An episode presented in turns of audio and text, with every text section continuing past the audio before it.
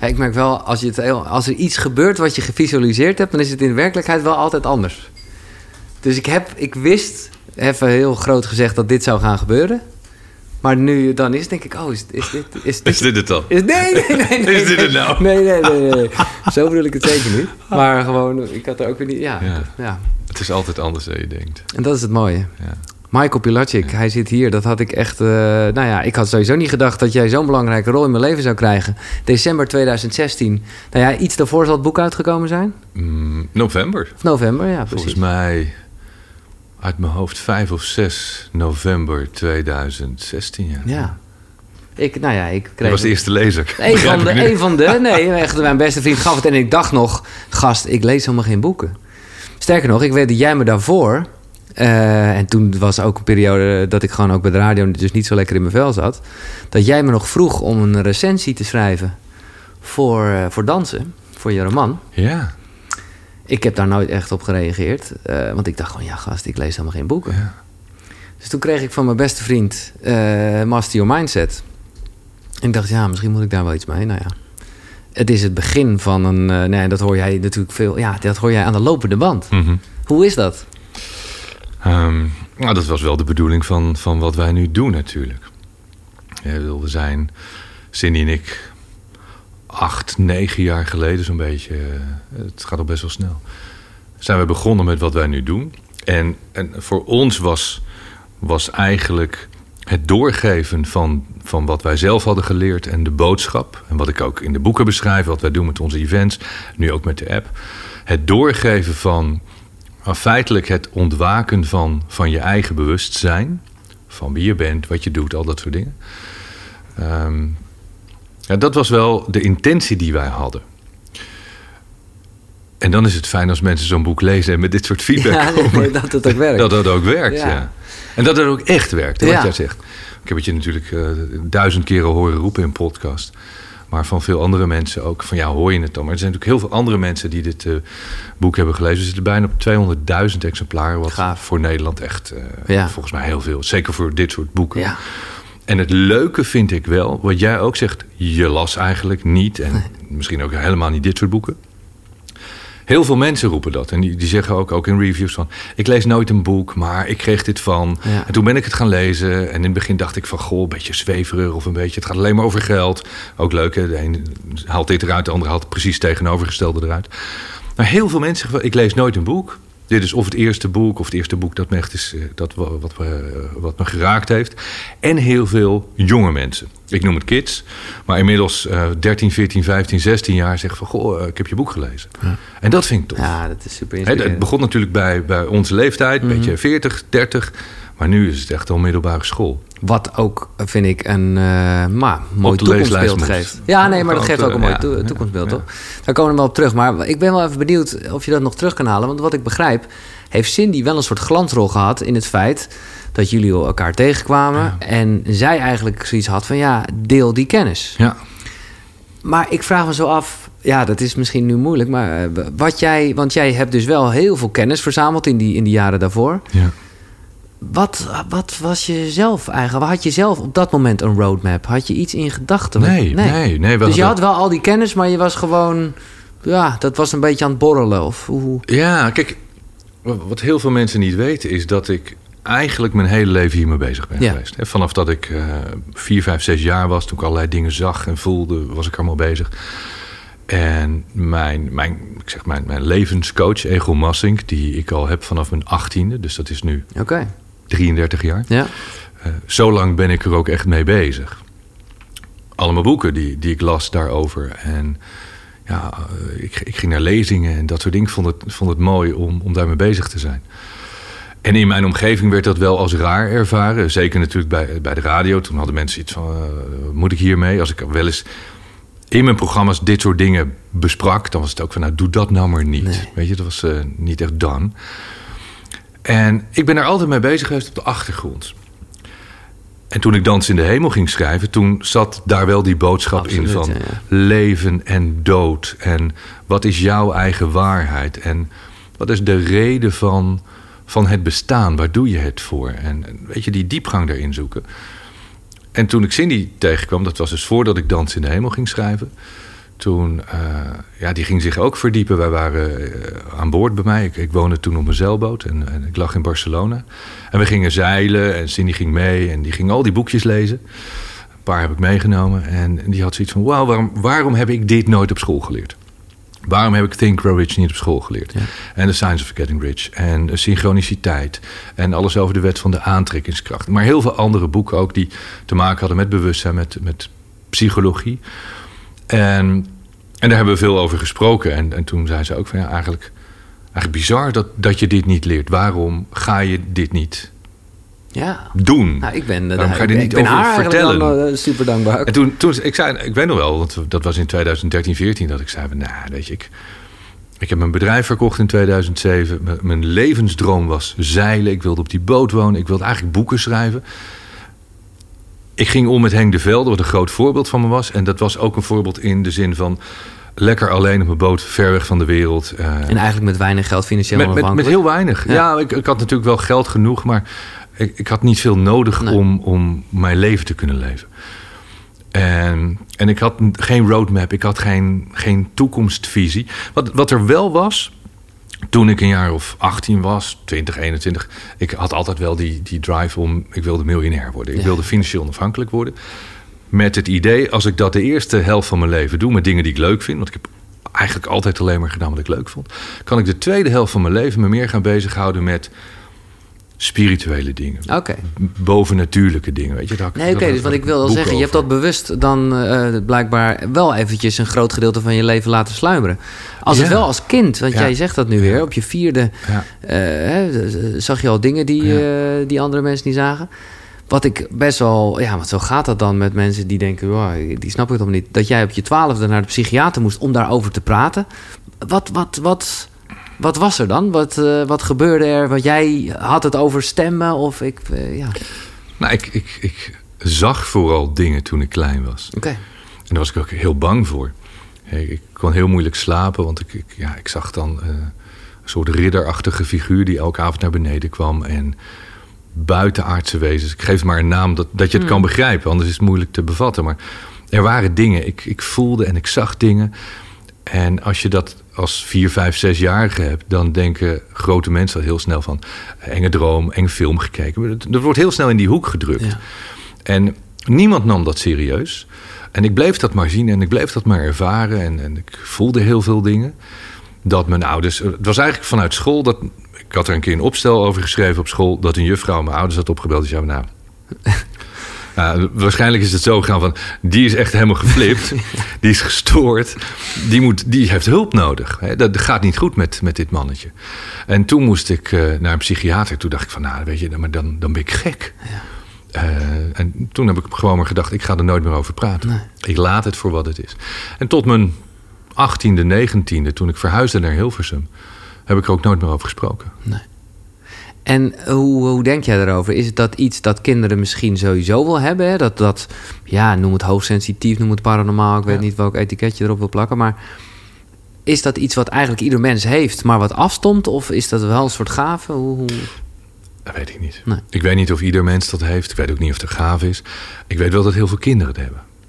Ik, ik krijg best wel vaak uh, vragen van ouders die dan ook zeggen... ja, mijn dochtertje van drie zegt heel vaak dat er iemand in de kamer zit. Of dat, ja. je, dat soort dingen. Um, en ik moet zeggen, ja, de ouders die bij mij of bij ons terechtkomen, dat zijn misschien andere mensen. Die hebben niet zoiets van, uh, en hou je, hou je bek en uh, weet je, uh, ga in de hoek zitten. Dat zijn toch mensen die daar wat anders mee omgaan. En dat vind ik mooi dat dat ook bij dat kind aankomt. Zo van, weet je, we zijn. nemen dat serieus. Ja. Hè? En, en, en hoe gaan we daarmee om? Dus ja, ik denk dat meerdere mensen dat hebben. Uh, ja, ik weet niet of het spiritueel is. Ik, geen idee. Nee. Geen idee. Nee, ik vind het altijd mooi. Hoe je, probeer jij heel erg dat woord te vermijden of niet? Of hoe... Uh... Ik snap wel goed. Ik denk dat. Uh, nou ja, dat weet je, ja. Het, het, het, woord spiritueel komt van, van uh, in spirit, inspiratie. En dat betekent in de geest zijn. En wij zijn allemaal in de geest, zonder dat het heel christelijk gaat worden. Maar wij zijn in de geest. De, de geest, de bron van het leven, de levenskracht is in ons. Anders bestaan wij niet. Dus wij zijn allemaal spiritueel. En ik heb uh, echt jaren Wayne Dyer uh, gevolgd. Die helaas in 2015 is overleden. Ja. En die zei altijd... wij zijn spirituele wezens met een menselijke ervaring. En ik dacht ook altijd van, nou weet je, het is allemaal een beetje, eh, voor mij ook een beetje too much. Maar dat is het wel. En dat is heel moeilijk om dat te bevatten als je geen idee hebt hoe, hoe het grote spel in elkaar zit. En dan kom je weer terug bij een beetje mindsteel mindset.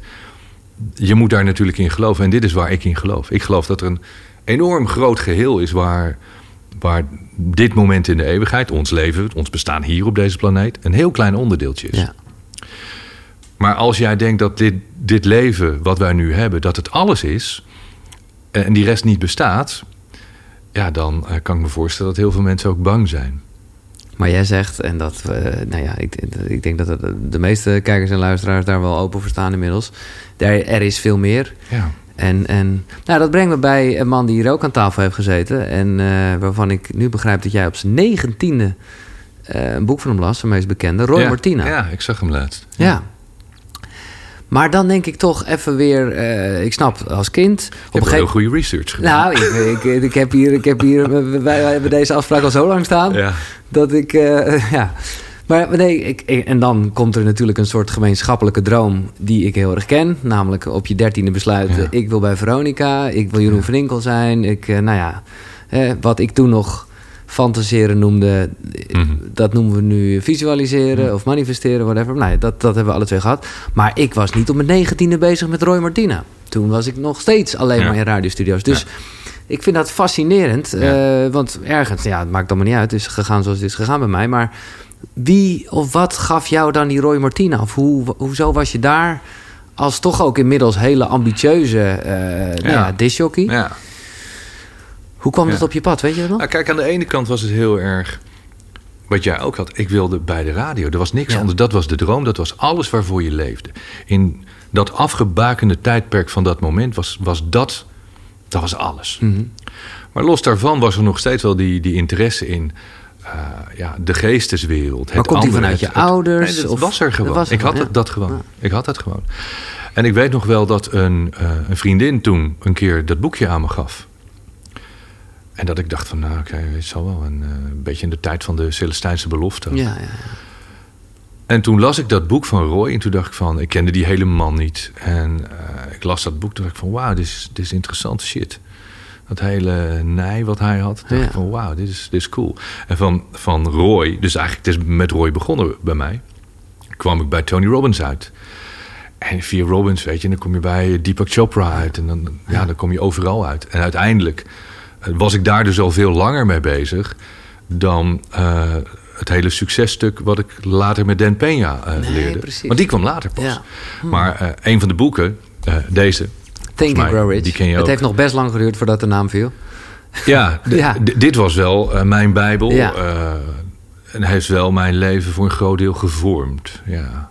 Begrijp ik. Nou, het en heeft en, ook en mijn dat kwam toen. Want ik las dus eigenlijk die, die boekjes over, over die ja, meer spirituele dingen, maar Mhm. ook meer over die gedachtekracht. hè, Wat, wat, wat Roy toch ook uh, wel beschreef. Met het quantum. eh, ja, dat, hele, dat en, hele verhaal. Ja, en dat, dat, dat, dus er was zoveel meer groter. Dus dat ik dacht van wauw, dat is interessant. ja. Dus dat is de ene kant. En dat is ook wat Master Mindset beschrijf. Van, ja, voor mij waren er twee paden. En wat je ziet is, je hebt mensen die geven les in... ik wil rijk worden en succesvol worden. En je hebt mensen, ik wil verlicht worden en ik uh, wil een engel worden. ja. En bij mij verweefden die paden zich... dat ik wil, ik wil dat allebei. ja. Ik wil een rijke engel worden. Mooi. Nee, maar dat is ook precies wat je gedaan hebt. En Ja. wat denk ik ook zo, ja, het zo fijn maakt. Ja. Eh, er was hier nog niet zo lang geleden iemand aan tafel, Laura Langers, die echt omschreef hoe zij met haar man eigenlijk lange tijd niet goed kon communiceren. Eh, en, en jij eigenlijk de verbindende factor was. En dat is precies vanwege de- deze Dit, koppeling ja. van de twee paden.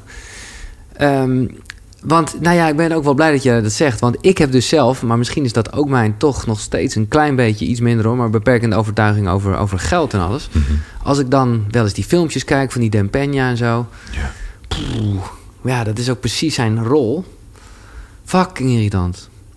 Is, toch, gewoon- dat, is dat zijn rol of is dat, is dat hoe, hoe- want dat kan bijna niet dat, jij, dat je, je, je snapt wat ik zeg, of niet? Nou, de vraag die mij natuurlijk eh, vaak gesteld wordt, is dat mensen zeggen: Wij begrijpen niet dat jij een, eh, een Meditation Moments app hebt waarin je mediteert. Je brengt mensen naar het licht en je probeert ze bewust te maken. En een van jouw coaches is de meest onhandelbare man die alleen maar scheldt. En dit zijn die twee werelden weer die bij elkaar komen. Ehm, de mensen die over beide oordelen kennen beide werelden niet. Dus het oordeel wat ze geven of wat ze vellen is uh, in beide gevallen onjuist. Ja. En, en, dus ligt die waarheid een beetje in het midden. En als je Den Peña echt kent, zoals ik hem ken, één op één, Mhm. dan hij zit niet de hele avond mij uh, onder tafel te vloeken. Nee, natuurlijk niet. Nee. Dat is zijn rol en Ja. de houding. Louis van Gaal is een hele aardige vent. Ja. Maar als hij langs de lijn staat en, hij- en de wedstrijd is, is aan de gang, dan staat hij niet van: ach, trap dat balletje nou, trap hem nou gewoon het doel in, schat. En dit is wat mensen vaak niet begrijpen. Ik ben ook best wel af en toe hard en recht door zee en bot. En dan krijg ik opmerkingen van mensen die zeggen: Ja, moet het op die toon? Ik zeg: Weet je wat? Mijn missie in dit leven is mensen wakker maken. En wakker maken, dat is een wekker, dat is lawaai maken. Ja. Want als ik het heel vriendelijk vertel, dan zet jij hem op de snoesstand en dan blijf je liggen. Want zo zijn mensen. Mensen zijn van nature lui. Als ik jou wakker wil maken, dan moet ik je door elkaar schudden. Dat je, dat je door gaat krijgen dat je wakker moet worden. En dat kan ik soms niet op een hele vriendelijke manier zeggen. Dus ik kijk heel goed in welke situatie met wie ik te maken heb. En, en Dan moet mensen ehm, die bij hem komen met het verzoek van maak mij heel erg succesvol en ik wil rijk worden, eh, die moet hij daarbij helpen. ja. Dus is hij... ja, ja, heel eerlijk. Als je naar het leger gaat en je wil bij de commando's of je wil bij de, de Navy SEALs, dan staan ze ook niet van, ach Giel, wil jij nog een uurtje blijven slapen? nou, dat mag wel hoor. Nee. Nee. zo werkt het niet. Helder. Maar je hoeft hem, kijk, en dat is ook belangrijk, je hoeft iemand niet heel aardig te, te vinden om heel veel van iemand te kunnen leren. En het laatste wat ik over hem kan zeggen is, luister nou echt eens naar de inhoud en kijk niet alleen naar de verpakking. Nee. Want ik heb hem in de, hoe lang ken ik hem nu? 22 jaar. Niet vaak op een onjuistheid weten te betrappen. Ik ben niet met alles eens wat hij Nee, zegt. nee. Maar eh, Cindy eh, kent hem inmiddels ook. We hebben hem ook privé een aantal ke- keer meegemaakt. En zij zegt ook, ja, één, je, vind maar eens iemand van 75... die meer energie heeft dan jij en ik tot de tiende macht... unstoppable is... Ja. en bijna altijd gelijk Ja. heeft. En nog steeds, hè, on- ondanks dat we in een hele Ja. andere wereld zitten met online en zo, dat, dat zag ik ook wel. En nou ja, je hebt eh, zeker in die beginjaren na je radio-carrière, nou heel erg ook zijn school geleefd. De Ja. multipliers ingezet, zou ik Ja. maar zeggen. En, eh, ik heb nou, echt gedaan wat hij zei. ja, nou ja, zakelijke successen en zoals dat hoort ook eh, faillissement en toch weer. Ja. Oké, en toen verkoop jij de handel, Telegraaf 2007. Ja, en ik, ik bedoel, ik, ik, dit is de eerste podcast die ik opneem na mijn eh, Vipassana-avontuur. Mhm. En ik heb echt nog aan je gedacht, zoals ik aan heel de wereld heb gedacht, maar zeker ook aan jou, omdat ik dacht, ik zit hier een week en het voelt als in mijn eentje. Mhm. Want hè, je hebt geen contact met al die andere mensen. En eh, nou ja, je bent de hele dag bezig met jezelf en met mediteren. Maar wat jij hebt gedaan op die zeilboot. Hoe, hoe, af en toe ging je dan dus terug en zo. Maar wat, Mhm. wat is, de, als je dat überhaupt dan nog weet, de langste periode dat je gewoon niemand zag? Oh, dat valt wel mee. Eh, niet, niet heel lang. Oh, dus niet tien dagen. Nee, ik ik, denk, ik, vond, ik vond tien dagen echt, ik, vond het nou, fantastisch. Ik denk, mijn langste dag dat ik echt eh, geen mensen heb gezien of niet heb gesproken, dat het een week is geweest. ja, ja. Zeven, acht dagen. Alleen dat deed ik wel steeds. ja, ik wil het zeggen, gedurende een langere periode. Ja. Maar de eerste keer was de meest levensveranderende voor mij. Ik, ik, eh, ik eh, even kort schetsen. Ik had natuurlijk mijn radioavontuur meegemaakt, 538, TMF. Toen ben ik gestopt. Waarom? Eh, dat schrijf ik ook in mijn boek. Ik vond het niet meer leuk.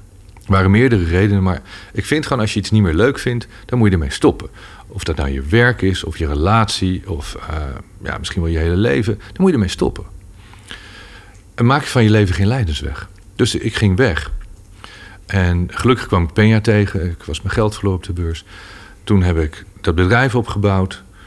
Dat is misschien de enige keer geweest in mijn leven dat ik iets deed wat ik niet echt super leuk vond. Ik deed het omdat het moest. Ik moest heel veel geld verdienen om mijn schuld te kunnen betalen. En ik vond het natuurlijk wel. Ik wilde altijd mooie dingen maken. Dus zelfs de programma's die wij maakten, probeerde ik wel zo mooi mogelijk te Het maken. zag er gelikt uit. Ik weet nog, het zat in het pand bij BNN. Ja, beneden. Ja, ja, ja. En ik, maar Ja. ik heb je daar nooit Ja. gezien. Ik was, vond. Maar ik vond het wel... Want jij werkte boven toch? Ja, ik werkte er op een gegeven moment bij BNN Vara. Eh, maar ik, en dat moet ik echt nog met terugwerkende kracht zeggen... ik heb niet zoveel met auto's. Voor mijn gevoel was dat het voornamelijk. Maar het klopte altijd Ik heb als ook niks bus. met auto's. Nee, oké. Oh, dat dacht ik. Nee. Oh. Wat dat, ja. Nee, kijk, ik, dit verhaal kent niemand. Ik, ik, eh, ik moest iets. Toen ik bij Den Peña kwam, ik moest ik iets. En Peña's formule was, je moet eh, een, een segment kiezen. En dan ga je bedrijven uitzoeken en die consolideer je. Dus die, die, die koop je op, die breng je samen en dat verkoop je of je gaat naar de beurs. In die tijd was naar de beurs gaan, was heel erg in.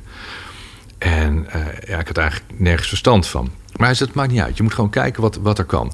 Nou, vliegtuigindustrie, dat we- werd hem niet. Banken, olie, alles was al ge- gebeurd. Toen dacht ik, ja, dan maar media. Daar heb ik ook mijn connecties, daar ken ik wel mensen. En toen ging ik eens kijken, een beetje internet kwam net. Hè. Dat is heel moeilijk voor te stellen, maar 1999, internet was, was heel ver weg. En toen ging ik eh, niet googlen, want het was er ook nog niet, het was net. Maar ik denk eh, dolfijnen of zo, of Ja. Ilse. En toen ging ik kijken, nou, de meest gezochte zoekterm was porno. Ik denk, nou, porno-tv, laten we dat niet doen. Maar de tweede was auto's. En toen dacht ik, dan ga ik televisie maken over auto's. Wauw. Zo is het gekomen. En dat was voor mij de reden dat ik eerst het bedrijf van Bob de Jong heb eh, Ja. gekocht. Dus, dus niet omdat ik iets met auto's had. Totaal niet. Maar jij vond dat op een gegeven moment... was dat dus wel echt een beetje geld verdienen. Je vond dat niet meer leuk. Nee. Verkocht eh, de toko. En toen eh, wilde ik zeilen. En het zeilen was mijn andere levensdroom. Weet je, ik, ik was Altijd al gehad? Altijd, ja. Ik was echt een mannetje van 6, 7, 5 misschien. En mijn vader had een bootje gehuurd op Loosdrecht bij Otterham. Ik denk dat heel Nederland wel een keer bij Otterham is geweest, zo'n houten bootje. En we waren op een zondag daar aan het zeilen. En ik had echt zoiets van, wauw, dit is, ja, dit is gewoon magic.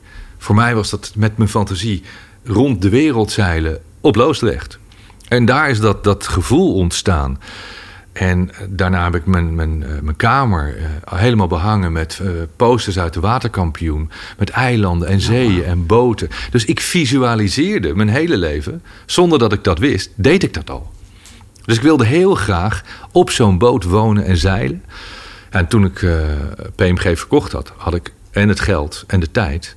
En mensen zeggen altijd geld eh, is niet belangrijk. Maar eh, ja, als je geld hebt, dan kun je heel veel tijd Zo creëren. is het, ja. En toen kon ik, kon ik met die boot gaan varen. En had je dan echt met Henk ook contact gehad? Henk Ja, ja. Velde? Ja, ja, oké. Ja, want mensen zeggen altijd, hoe kom je met al die mensen in contact? Ja, nou, ja, tegenwoordig is het heel simpel. Ja. En ik heb toen, weet ik nog, dat eh, Henk de Velde verkocht zijn Campina. Dat was een eh, hele grote stalen groene boot waarmee hij door het ijs was geweest. In Siberië, en eh, televisieprogramma's gehaald had.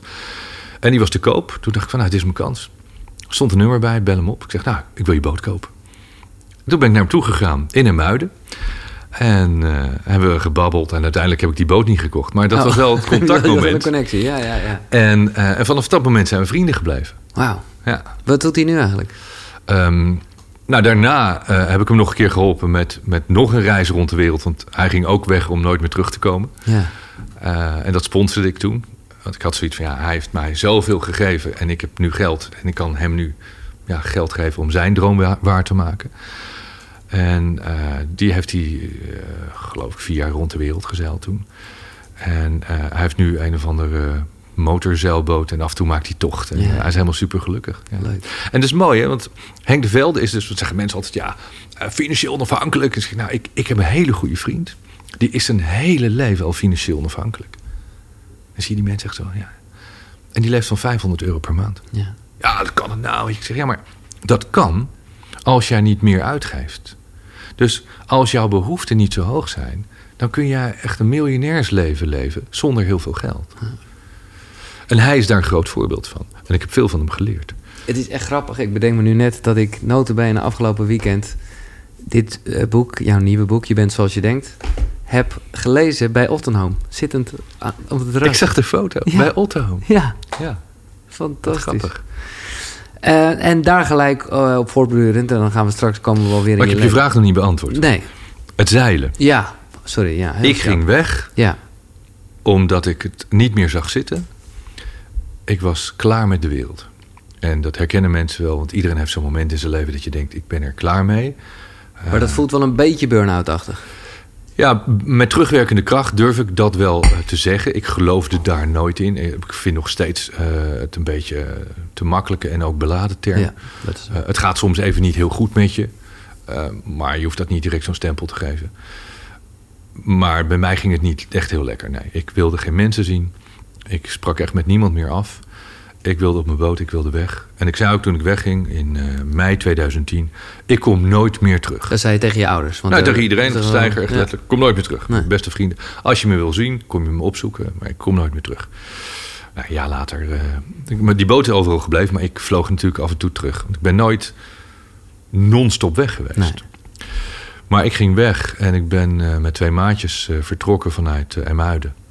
En zij zijn afgestapt nadat we Biscayen hadden overgestoken. was ook, eh, nou, zoals elk verhaal, Biscayen storm en we hadden storm. En toen stapten ze af in Porto. En vanaf Porto ben ik dus in mijn eentje doorgezeild. Langs de kust van Portugal, maar wel 100 mijl uit de kust. Echt op de oceaan. En daar heb ik die ervaring gehad dat ik niet in de gaten had... dat ik, wat jij zegt, die stilte aan het ervaren was. Want ik was alleen met die boot en, en met de wind en met de, zij, met, de, met, met de golven en met mijn zeilen. En je bent bezig om te kijken van hoe, hoe is die wind. Je probeert te anticiperen van wat gaat er gebeuren straks. Ik ben voorbereid. En je slaapt af en toe een beetje. En na drie dagen en nacht, toen werd ik op een ochtend wakker. En ik lag in die kuip en prachtig, dat, die golf en het water en die, die zon en die, die, die hele ervaring alsof je in een andere dimensie bent. En ik, ik hoor een dolfijn achter me. En die, die, die springt met me mee. Ik zou op het ritme van de oceaan. weet je, Het was zo mooi. En ik keek naar dat beest. En dat, dat was voor het eerst na drie dagen dat ik, een, dat ik ervaarde dat er een gedachte was. En op dat moment realiseerde ik me dus dat er drie dagen waarschijnlijk geda- gedachten zijn geweest die ik niet bewust heb meegemaakt. En toen begreep ik dat je gedachteloos kunt zijn. Ja. Gewoon, je bent er en je bent alert, maar je bent er niet. En dat was een, een bizarre ervaring. Ik dacht van, wauw, dit is cool. En dat ging daarna natuurlijk door, want ik ben lang op die boot gebleven. En toen vroeg, vroeg ik daarna aan een eh, holistisch arts eh, die me toen eh, regelmatig behandelde. Ik zei, joh, leg mij eens wat uit over meditatie. Ik heb er wel eens wat van gehoord, maar wat, wat is het nou eigenlijk? En toen hij me uitlegde wat het was, toen zei ik, oh, dat doe ik dus. Ja. Ik doe dat als ik aan boord ben. Ik ben volledig in het moment en ik ben er niet. Ik ging op in het geheel. Toen dacht ik, nou, dat, dat is dus mediteren.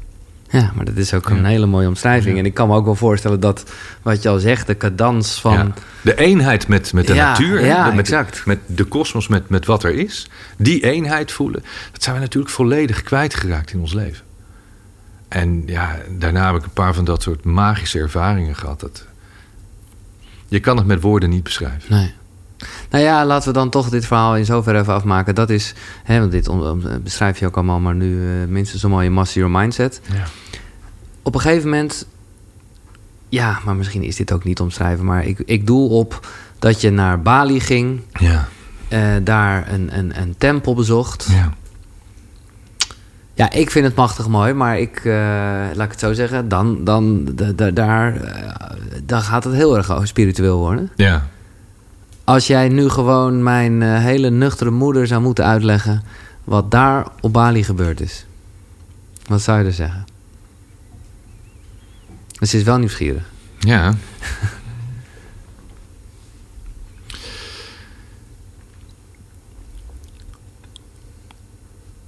Ik had al heel lang een wens.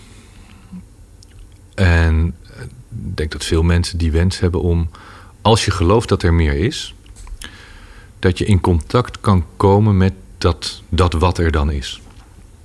Of dat je voor kunt stellen van er is een soort onzichtbare deur waar je doorheen kan stappen en je komt ineens in een andere dimensie. Dit zit ook mooi in een meditatie. Daar zijn natuurlijk trouwens. films over gemaakt. ja, ja, ja. En omdat ik daarin geloof en ik wist dat dat bestond, want wat ik al zei, Egel, mijn leraar, daar heb ik veel mee gesproken en die heeft me veel uitgelegd. Maar een boek lezen of les krijgen of het meemaken is totaal iets anders. Hetzelfde dat jij eh, op straat een auto ziet rijden of je, je leest je theorie of jij rijdt in een auto, dat is een hele andere ervaring. En ik wilde in contact komen met de bron, met de kosmos, de akasha zoals ik het noem. En dat was heel lang een soort gevecht van, ja, ik, waarom lukt mij dat niet? Ik wil, ik wil dat zo graag, weet je. Ik wil dat en ik, ik heb dat al duizend keer gevraagd. waarom komt dat nou niet? Ah, dit. Nou, daarom dus. Verkramping, ja precies. En ik kwam op een hele bizarre manier in, in Bali terecht. Eh, maar uiteindelijk was ik daar. En ik was daar om iemand te ontmoeten en dat was Anna Ma. En Anna Ma is een uh, hele gewone Amerikaanse vrouw. Ziet er heel mooi uit. Ze heeft altijd van die, van die kleurrijke jurk aan en zo. Dat je toch denkt, nou, ze is niet heel gewoon, maar ze, maar ze is in principe gewoon normaal mens.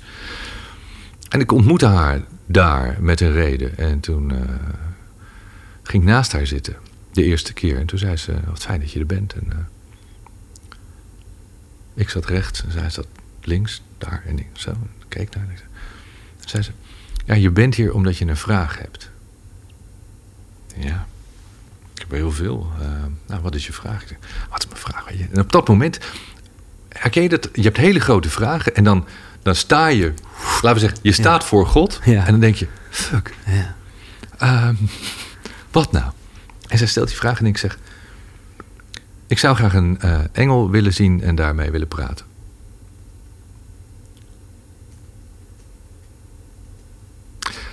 En toen zei ze, en zou je er één herkennen? Als je er een ziet. En toen dacht ik van, fuck, weet je.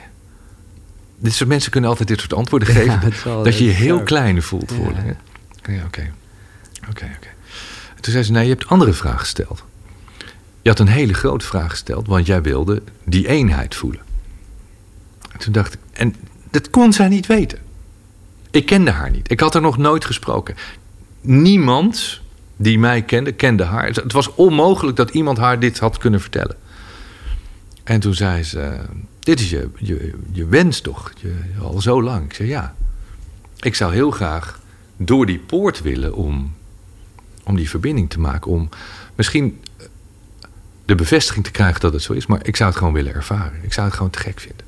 Ik zou bijna, bijna durven dit leven om te wisselen voor, voor dat andere. Om dat mee te maken. Zo, ja. En toen zei ze, oké, morgen gaan we naar die tempel. En die volgende dag gingen we naar de Pura Besaki. Nou, voor mensen die wel eens op Bali zijn geweest, dat is uh, hobbel bobbel. Dan ben je echt uren onderweg in een, veel te hete auto. En we kwamen eraan, we moesten heel lang lopen. En uiteindelijk waren we bij die tempel. Het zag er zo indrukwekkend uit. Ik denk dat er 200 kleine en grote tempels staan. En toen zei ze, nee, we nemen niet met al die toeristen die, die route... maar ik heb afgesproken met een priester hier... en dan gaan we achterom, dan komen we daar. Dus ik liep daar zo. Ik zei, nou. Het was ja, een soort sprookje. Echt een soort. Dat je bijna denkt van, gebeurt dit nou echt? Of heb ik een hele levendige droom dat ik, dat ik dit creëer? Of zo? Maakt het uit? Nee, het maakt niet uit. Maar het was wel van, is het, is het nou echt? Beleef ik het of niet? Dat voelde me echt op die, op die grens. En toen gingen we naar binnen en toen zat er zo'n zo priester in zo'n witte jurk. En die zat te bidden en wierook en hele mooie bloemetjes. En toch kom je dan in een soort bepaalde trance al. Ja, en die man draait zich om. Dat ik denk van, oké, hoe weet hij nou dat wij er zijn? Weet je, we hebben ook niet aangebeld. En je spreekt die taal niet, maar soms is dat niet nodig. En alles was duidelijk. En ik moest op mijn knieën gaan zitten en ik kreeg rijst op mijn hoofd. En ging allemaal dingen doen en zingen. En zij ging naast me zitten. En toen zei ze, je hoeft niks te doen, doe gewoon je ogen dicht en laat het maar gebeuren. En ja, ik ben daar in een meditatie terecht gekomen. Voor het eerst dat ik echt een meditatie-meditatie deed. Dat had ik nog nooit gedaan. Ja, en, en alsof, nou niet alsof, ik ging door die poort heen. Waar alle tijden samenkwamen. Gewoon alsof je je staat op het moment nu, dus de middenstip van het stadion. En alles gebeurde op dat moment tegelijkertijd. Toekomst, verleden, alles. Het was zo weird om te, te ervaren, maar zo logisch. Mhm. Het was zo logisch. En ik heb ook geen idee hoe lang het geduurd heeft. Want het kan een miljoen jaar zijn geweest of een uur. Echt geen idee. Geen idee. Maar het gevoel en het ervaren van die kamer van dat witte licht in het echt, dat je, nou, laten we zeggen, alsof je een deur open doet en je, je, je stapt over een drempel heen, daar heb ik die meditatie over gemaakt. Ja. En na die drempel is er niks. Er, er is geen, geen onder, geen boven, er is niks. Er is, ja, het is wit en het is ook niet wit. En het is een soort van laat maar, laat maar los. Laat, laat alles maar los. Alsof je je lichaam achterlaat en, en dan ga je door. En een fijne gedachte, dus je wordt gedragen Je wordt door gedragen. het universum. Ja, ja, ja. Je wordt gedragen en je bent één. Ja, Nou, Giel, dit echt ja machtig mooi. mooiste ervaring van mijn leven. En ik heb dit natuurlijk vooral in het begin, toen ik met, met, met seminars begon en toen ik ging optreden, ging ik dit vertellen. Ja, er waren mensen die dachten ook van, gast. Ja. Dus ja, ik weet niet wat je moeder hier nu van vindt. Uh, maar ja, dit, dit is het. Ik kan het Mhm. niet anders vertellen. En is het dan, want dat is misschien willen we alles definiëren. hè? Want jij noemt het Akasha, kosmische Ja. intelligentie. Dus als ik de grootste vraag stel, wat is dat dan? Ja, dat. dat waarvan iedereen weet wat het is. En iedereen geeft het een eigen naam. Ja. Behalve als je er niet in gelooft. Maar zelfs dan moet je erin geloven. Want je kan iets niet ontkennen. Ik wil Wat zeggen, niet bestaat. als je ergens niet in gelooft, dan geloof je dus ook ergens in, namelijk Ja. er niet in. Ja. En jij hebt nooit, want ik moet zeggen, ik heb dit ook wel met ceremonies-achtig iets meegemaakt, maar dat is dan toch met hulpmiddelen. Je hebt dat nooit gedaan, geloof Nooit. ik, hè? Nee. Maar dat Nee. komt ook hierdoor, denk ik. Nee. Want ja, waarom, ik, nou, ik heb het nooit nog- gedaan. Nee. Eh, ik heb nooit drugs gebruikt. Nee. Eh, niks. Eh, ja, ik denk dat ik het niet nodig heb. Ik kan heel makkelijk in die staat van zijn komen. Want het is feitelijk een staat van bewustzijn. Ja. Maar kan je ook weer makkelijk, hè, want dit was natuurlijk wel even een heel Ja. mooi intens Ja. moment. Maar kan je daar eh, op een kleinere manier, zeg maar. Ja. ja? Oké, wow. Ja. Ik heb natuurlijk nu best wel veel meditatie in de app zitten ook. Ja. Waar, waarmee ik mensen echt naar, naar die plek... Want het is een plek in jezelf. Waar, waar ik je mee naartoe neem. Ja. En live doen we het ook. Hè. Tijdens Maximum Potential doe, doe ik het live een uur lang. En zelfs mensen die echt heel sceptisch zijn... echt denken van nou, Pilatschik, eh het zal maar wat. Mhm. Ja, die komen daarna toch wel van... eh, Er gebeurde iets. er gebeurde wel iets. Ja, nee, Ja. dat geloof ik. En het mooie is, want ik doe natuurlijk die volle maan Ja. op, op ons YouTube-kanaal. Iedere maand. Ik geloof dat nu 15, 20.000 mensen elke maand live. Ja, man, was er wel meer. Het is echt, ja, daarna wordt hij natuurlijk nog heel veel bekeken. Ja, ja, maar ik heb ook wel eens live erbij gekeken. Dat, dat- live moment, Ja, dat, is, dat is magisch. En de reacties daarna, want daarna zitten Sin en ik altijd urenlang nog op social. Want je krijgt zoveel feedback van... Ja, gesprek met mijn opa gehad. Of weet Mhm. je, echt dat soort dingen. Dat ik denk wauw, het, het raakt mensen. Maar is daarmee ook, ehm, om toch even naar de actualiteit te gaan, soort van eh, dat jij ook eigenlijk zegt dat online het ook kan? Want ik kan me voorstellen, ik was graag een keer naar zo'n event gegaan omdat ik me wel kan voorstellen dat met de energie in zo'n zaal Mhm. en dan zo'n bijna een uur durende meditatie. Nou, ik heb daar wel verschillende mensen over gesproken die dat wel hebben meegemaakt. Maar dat kan dus ook online. Ja, Ja? Als je mocht kiezen? ja live. Nee, oké, nee, dat is ook een flauwe vraag. Live, nee, nee, altijd live. Maar, kijk, het kan. Kijk, hoe, hoe leg ik het uit? Ehm, Nee, een verbinding is een verbinding. Eh, nou ja, als je begrijpt dat tijd en ruimte niet bestaan, dan is alles op dezelfde plek. En dan zit je in een kwantumveld. Dus ja, ik zit hier en jij zit daar. En als ik eh, straks weer in Spanje ben, dan zit ik daar. En er zit er een afstand tussen, fysiek. Maar bijvoorbeeld Egon, Egon Massink, die deed vroeger eh, heel veel healings. Maar die kon ook mensen en dieren genezen op afstand. Natuurlijk werkt het beter als jij op een behandeltafel ligt en hij kan dit doen. Maar dat kon niet altijd. Hij heeft mij ook heel vaak behandeld. En dat doet hij elke week. nog steeds. Ja, nog steeds. Elke week, elke maandagavond, één keer per week, vaste tijd, vaste prik, hebben we een soort. En dan doet hij dat. Oké, maar je spreekt hem niet letterlijk. Dit gebeurt gewoon. Oh, Je nee, we bellen niet eens. Nee, oké, wauw. En toen ik eh, dat met Anna deed, dacht ik ook van ja, maar jij zit eh, nu in Bali en dan eh, in Australië en dan in Amerika. Hoe doen we dat? En zij zei ook, oh, we skypen gewoon. Ja. Dat ik dacht van, ja, maar eh, ik ga dit natuurlijk nooit meer zo ervaren. Agiel, ik heb dit twee jaar lang met haar gedaan. En ik heb zoveel van dit soort ja, visioenen gehad. Mhm. Dingen gezien. Ja, echt, echt bizar. Mooi.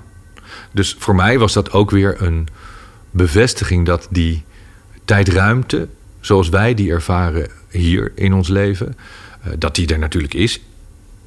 In dit stukje van de Matrix, omdat wij daarin geloven. Maar dat in het grote geheel is die anders.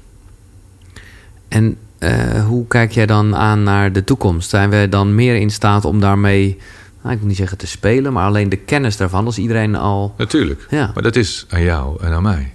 Dat kon tien en honderd jaar geleden ook al. Ja. Ik, ik heb talloze boeken daarover Ja. gelezen. Het is niet anders. Het is alleen, kies jij ervoor? En daar komen we natuurlijk op het punt van, van wat er momenteel in de wereld gaande is.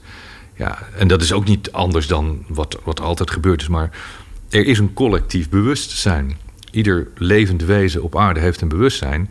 En laten we zeggen, als, als je die een kleur zou geven, de ene is zwart en de andere is wit. Ja, als er heel veel zwarte zijn, dan is het overheersend een zwart bewustzijn. En als het meer wit is, is het meer wit. Heel simpel. Mhm. En de vraag is, als wij willen bewegen naar een bepaalde richting, ja, dan zullen we dat met een meerderheid van, van die levende wezens moeten doen. Oh. Ik had gehoopt, eh, er is ook zo'n verhaal van, van dat maar een klein percentage de rest meetrekt. Nou ja, je moet beginnen met een klein perce- percentage natuurlijk. Dat is ook Ja, ja, zo. precies. Ja, dat is zo. Want anders dan. eh, nou ja. Dat is het verhaal van de Maharashi Yogi natuurlijk. ja, exact. Dat Ja, bedoel ik. dat, eh, en toen met, met, met TM doen ze dat ook. Om, eh, met, je voelt het ook. En dat is ook waar, waar, waar ik absoluut van overtuigd ben met de volle maan elke maand. Volle maan meditatie. Wij doen dat en mensen in die omgeving van die andere mensen, die voelen dat ook. Ja. En je geeft dat door als een soort rimpeleffect. Ja. En daarom hoop ik echt dat, dat, nou, dat we honderdduizend mensen hebben die gaan meedoen... om dat effect groter te maken. Hoe meer mensen... Het is een beetje de wave. ja. Zo kun je je voorstellen. Die wave in het stadion, er zitten honderdduizend mensen. Als iedereen hetzelfde beweegt in harmonie, is het helemaal oké. Als er één dissonant is, gaat die dissonant... die, die wordt meegenomen door de rest. Ja. Want het is heel moeilijk om, om de rest te gaan bewegen. Maar wat je wel kunt doen... als jij eerst... Als jij een andere uitslag wil hebben in, in de golflengte... want daar praten we over, over frequenties... jij leeft op een andere frequentie... dan moet je eerst naar de golflengte van de omgeving. Jij kunt nooit de omgeving veranderen. Dus je moet eerst naar de, de golflengte waar de anderen op, op bewegen. Jij gaat mee in die wave. En langzaam ga je of versnellen of verlangzamen... dat de mensen om jou heen jouw tempo gaan aannemen. En zij gaan jouw tempo doorgeven. En dan zul je merken, als je dat lang genoeg doet... kan één iemand die wave in het hele stadion een ander tempo geven. Een andere frequentie. Maar tune eerst even in op Maar hetzelfde. je moet eerst op dezelfde golflengte komen. Hetzelfde is met communicatie. Als je elkaar niet begrijpt, dan kun je wel dit blijven doen. Ja. Maar één moet verstandelijk genoeg zijn om te zeggen van... nou, ik ga eerst Even bedenken de connectie maken. Ja, ja, Als, ja. ik moet eerst verbinding met jou hebben. En daarna, als ik die verbinding heb, dan kunnen we pas communiceren. En dat gebeurt natuurlijk heel vaak niet. Nee. Dat is ook moeilijk. Nou ja, sterker nog, maar misschien heeft het, dat heeft hier wel erg mee te maken. Ik heb het gevoel alsof die frequenties hè, meer dan ooit gepolariseerd worden en uit elkaar worden gelegd. In plaats van Ja. dat we. Nou ja. Maar misschien is dat ook nodig. Nou, misschien is het nodig, maar het is ook niet ehm, per se dat dat, dat, dat ehm, bewust zo wordt gedaan. Nee. Ik denk ook de polarisatie of de verdeeldheid die er is, is niet bewust omdat we het niet met elkaar eens willen zijn. Ik denk dat iedereen het beste voor heeft met de ander. Alleen mijn manier van het beste is Ja, een andere ja, denkwijze dan die van jou. Ik wil jou beschermen, jij wil mij beschermen. En ik, ik, ik ben bang dat jij het op de verkeerde manier doet. Dus ik probeer jou te overtuigen dat mijn manier juist is en, en omgekeerd. En, en daardoor krijg je nu dat mensen zeggen van ja, eh, ik heb gelijk en jij niet. Maar ik denk dat we allebei een beetje gelijk hebben. Ja. Ik wil even naar eh, Je bent zoals je denkt, je nieuwe boek. Of eigenlijk, nou ja, het is je nieuwe boek, maar het is een, een hele mooie hertaling, vertaling naar deze tijd van twee eh, klassiekers. van James Allen en eh, Wallace D. Wattles, The Science of Getting Rich. En hoe spreek je het eigenlijk uit? As a man thinkt gewoon? Uh, think it. Think it. Ja, althans zo doe ik het. Ja, ja. begrijp ik. Maar het is het heel oud... het is heel oud Engels. Ja, precies. Oké. Want als je de echte oude... We hebben de, de, de originele oude gepakt. Ja. Ik heb het samen met George Sommer gedaan. Dit soort vertalingen doe ik, doe ik samen. Want het is moeilijk om, om dat hier eentje te doen. Dan zeg je, wat vind jij ervan? Ja, dat is wel lekker. Ah, Ik zou dit, ik zou dit woord kiezen. Oh ja, ah, een mooi woord, weet je. Ik zou het zo doen. Ja. Um, en de, de originele versie van As a Man Think It is zo oud Engels... dat wij echt moeite hadden om überhaupt te begrijpen wat er stond. En we hebben heel veel oude vertalingen gepakt en gekeken van... ja, wat, wat, wat, wat, het gaat bij mij niet om de vertaling, maar het was ook met Think Grow Rich. Wat bedoelde hij, denk ik. Ja. En ik probeer alleen zijn bedoeling door te geven op een manier, ook weer heel eenvoudig uitgelegd, maar wel mooi geschreven. Ja. Ik, ik ben wel van mooie woorden, mooie zinnen. Nee, dus, ah, ik vind het ook ja. fantastisch. Kijk, de basis is heel erg uh, dat, dat, dat vind ik een mooie, dat karakter, uh, dat zijn, is een optelsom van de puzzelstukjes van je gedachten. Ja. Dat is al, laat die nog even op je inwerken, ja. mensen. Eigenlijk is gedachte en karakter ja. uh, hetzelfde op een gegeven moment. Ja. Maar dat is ook lastig, natuurlijk. Tenminste, dat is een vraag. Laat ik niet mijn eigen projectie hierop. Maar dat heb ik ook bijvoorbeeld heel erg gemerkt met de Vipassana. Wat weet je, het is allemaal alle. Ik bedoel, heel flauw gezegd, zegt iedereen hetzelfde. En wat ik ja. bij de Vipassana heel erg ook leerde was dat je vooral niet moet hechten aan iets. He, dus over de pijn kan je heen gaan, over de nare dingen kan je heen gaan. Maar ook uh, de leuke dingen. Uh, geniet ervan. Maar weet dat ook dat weer voorbij gaat. En daar gaat het op een gegeven moment ook in het SMN Think het over ja, dat je eigenlijk geen impulsen en begeerten zou moeten hebben. Ik vraag me af, Michael, hoe doe jij dat? Ja, het is tweeledig. Um, ik hou van heel veel mooie dingen. Cindy en ik hebben gecreëerd wat wij uitdragen. Ik zeg altijd, practice what you preach. Mm -hmm. Je moet het eerst zelf doen voordat je dat andere mensen kunt leren. Ik kan niet gaan roepen, jij moet je mooiste leven leven.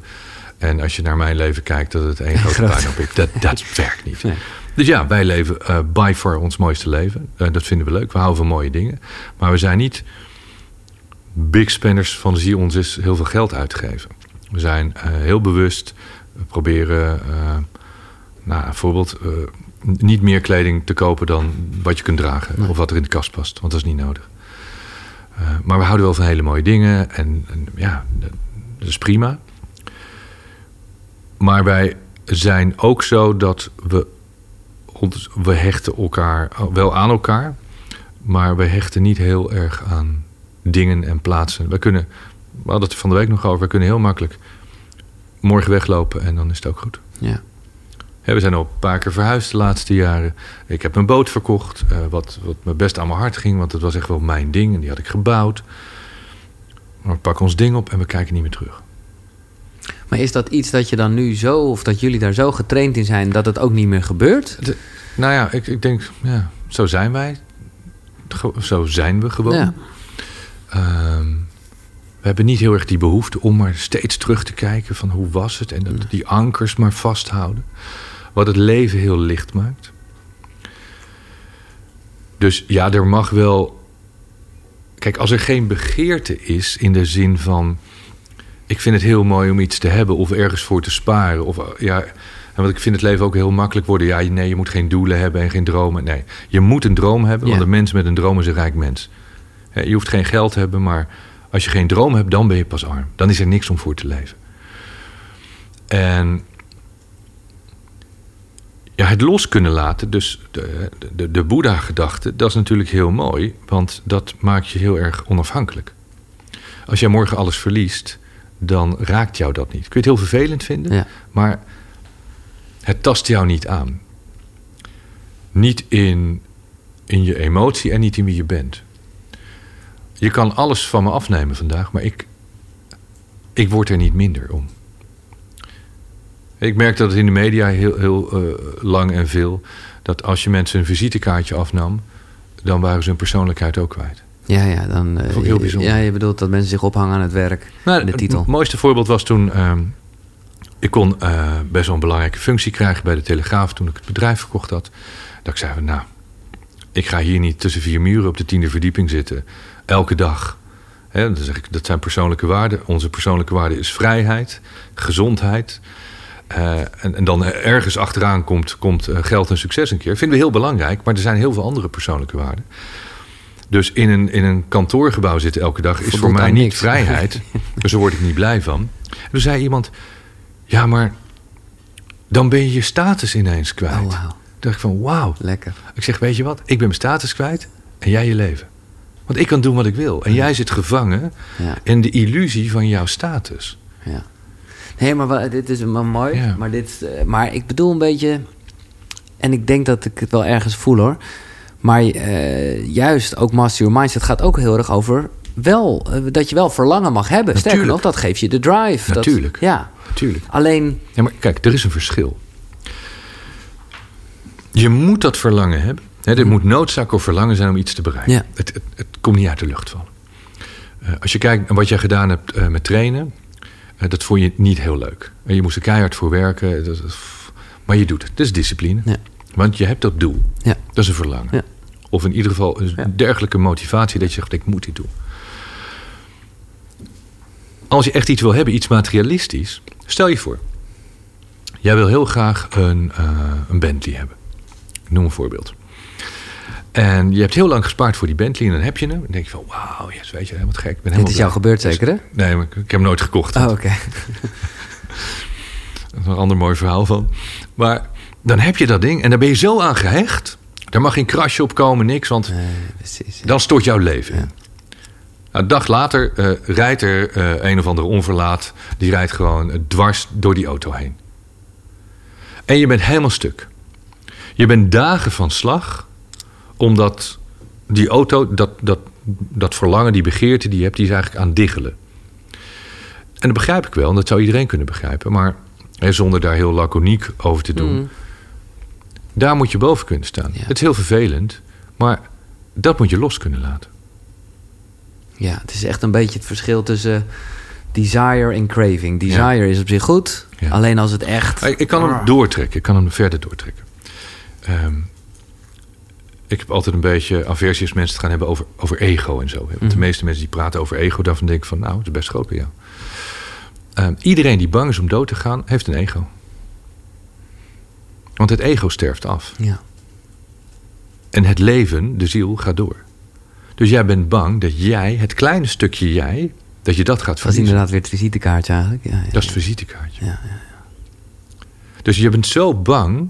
En ik kan me voorstellen, ik zou het ook niet leuk vinden om al het moois wat we meemaken hier. En, en ja, alles wat er nog op je wensenlijst staat, om, Ja. dat, om dat weg te zien vagen.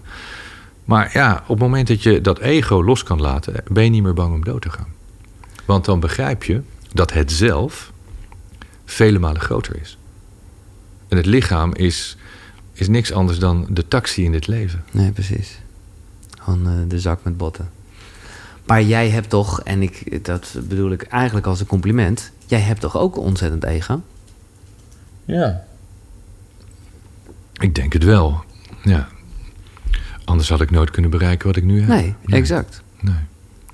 Ik denk ook dat, eh, en dat durf ik wel te zeggen, omdat we met heel veel mensen werken. We hebben tienduizend mensen gewerkt, één op één coachings gedaan. Wat ik zie is dat, hè, en daar wordt vaak een, een denk ik, een, is een misperceptie tussen arrogantie en ego. Mensen met een te klein ego hebben heel snel last van burn-outs, onzekerheid. Omdat ze zich overstreven moeten... Nee, maar die gaan allemaal Oh, je gaat juist achter in de hoek staan, Ja, ja, achter, ja. achter de gordijnen staan. En, oeh, ik mag niet gezien worden. En vervolgens zijn ze teleurgesteld of boos dat ze niet gezien worden. Ja, ik ga op het podium staan. Terwijl ik was ook eh, eh, vreselijk verlegen. En ik hou er helemaal niet van om, om in, in groepen met mensen te zijn. Ik ben het liefste alleen. eh, Cindy en ik samen, Ja. liefst alleen. Geen andere mensen. Maar ik vind het wel heel mooi om op het podium te staan. Ik ben wel de artiest en ik wil wel daar graag staan. Alleen, ik sta daar niet omdat ik op het podium wil staan en dat ik vind dat er publiek moet zijn. Nee, dat is hoe we begonnen zijn met wat we doen. Wij willen die boodschap uitdragen. En dat deden we in het begin voor zes mensen, toen voor twaalf en toen voor twintig en vijftig en honderd en nu voor vijftien of 2000. Weet je, het groeit. Nee, ik ken de verhalen van Wichert, die er natuurlijk ook hebben gezeten. ja, die Wigert was er ook eh, bij. In een klein de zaaltje intentie zat. Ja, is, Tuurlijk. ik wil jou wakker schudden. En ik wil, ik wil jou de tools geven om, om jouw mooiste leven te leven. Ja. En mijn ego is, ja, hoe- ja tuurlijk, er is ego, maar... Het, ik nogmaals, ik vind het Ja. een compliment. Omdat, Ja. omdat ik gewoon ook zie en... en ja, dat kan me voorstellen dat het bij jou echt intens is. Dat heel veel mensen wat van je willen. Want jij snijdt iets aan. eh, en dan willen mensen altijd één op één nog eventjes eigenlijk iets Ja. horen wat al lang in een boek hebt geschreven. Maar goed, dat Ja, maar ze, natuurlijk vinden ze ook heel veel. Ze van- vinden ook heel veel. van jou. Ja, ja, vinden ze van iedereen. En ik, ik, ik heb het gevoel dat jij daar ja, echt als een steen in het water. Ja, I don't care. Nee, En dat nooit ik- gedaan ook. Nee, nooit gedaan. Moet wel zeggen, vroeger toen ik bij Veronica werkte, 18, 19, 20, Ja, beetje, beginperiode 538, ehm, liet ik me ook wel van mijn stuk brengen hoor. Was ik ook wel een bang mannetje. Ik denk dat jij dat ook wel hebt. Mm. Je bent toch een guppy en dan denk je, wow, grote mensenwereld, weet je. Oeh, spannend. Maar ja, ik ben natuurlijk zo dat, dat, door de wol geverfd. Aan de ene kant door, door Den zelf.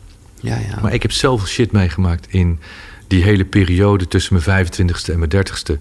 Ja, dat maken de meeste mensen in de rest van hun leven niet mee. Dat heeft mij gemaakt tot wie ik ben. En ja, ik ben keihard. En het interesseert me echt niet wat iemand van me vindt. Dat is anders dan dat een van mijn leraren kritiek, kritiek heeft... omdat hij vindt dat ik iets niet goed doe. Of dat Cindy zegt... ehm, nou, ik vond het echt helemaal ruk wat je hebt gedaan. Of dit kun je niet maken. Of weet je, maar dat, dat zijn leermomenten. Ja. Dat is belangrijk. Maar dat is dan wel echt ja, het je inner circle. Dat is totaal iets Ja. anders. Maar als iemand gewoon wat roept en ik van ja, so what? I don't care. Maar als ik dan even nog terugga naar een van de mooie kernwaarden van SMN Thinkend. De ziel trekt aan wat ze lief heeft en vreest. Is er nog iets dat jij vreest? Nee? Nou, ik zou niet ziek willen worden. Hmm.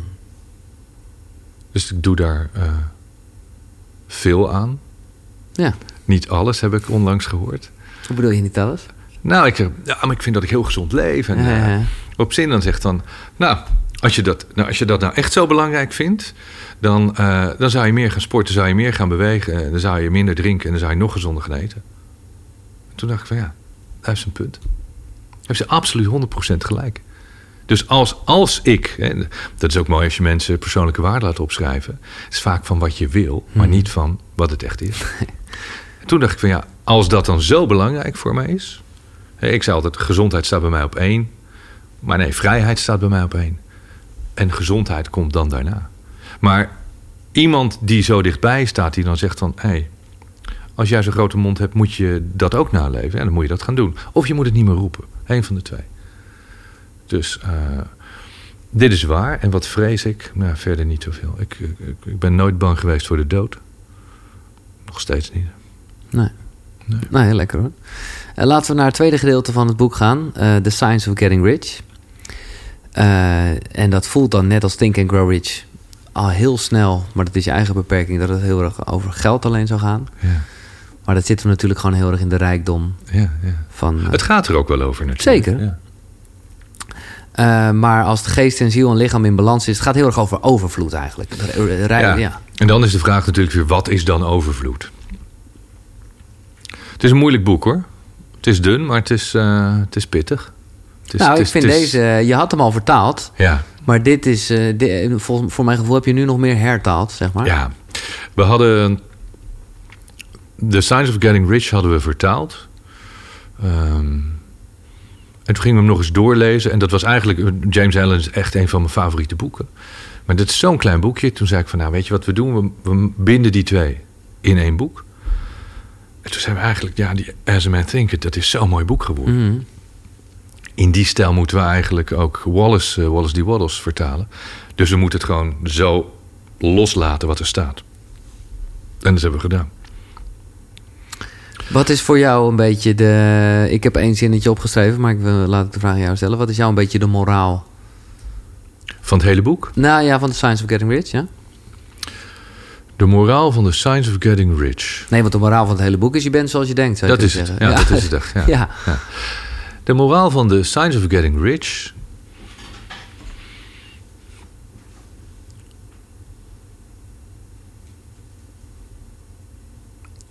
Ik denk dat dat toch het ehm, leven is in verbinding met de bron. Ja. Ja. Ja. Nee, ik heb hier, maar dat sluit er volledig op aan. Wat je doet is minder belangrijk dan hoe je het doet. Ja. Het- ja. Het gaat om die dankbaarheid, hè? ja. Eh, wat ik ook niet wist hoor, maar eh, je kan je hele leven druk zijn met eh, de wet van de aantrekking en manifestatie en hoe je het wil noemen.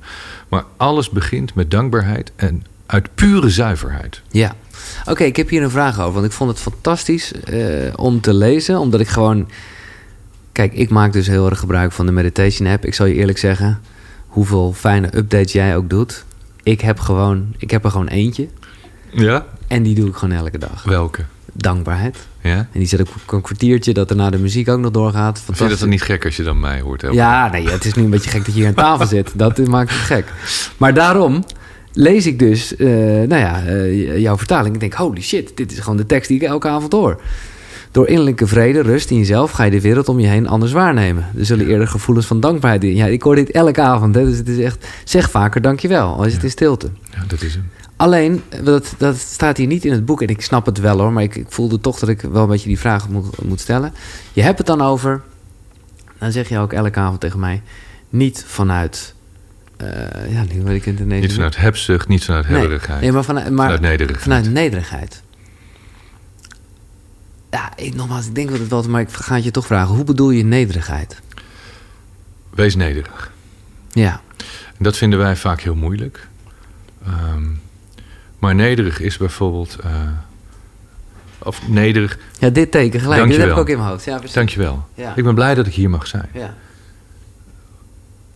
Ja, ik doe het de hele dag, weet je. Dan heb ik getankt of iemand roept iets op, op straat, roept iemand iets.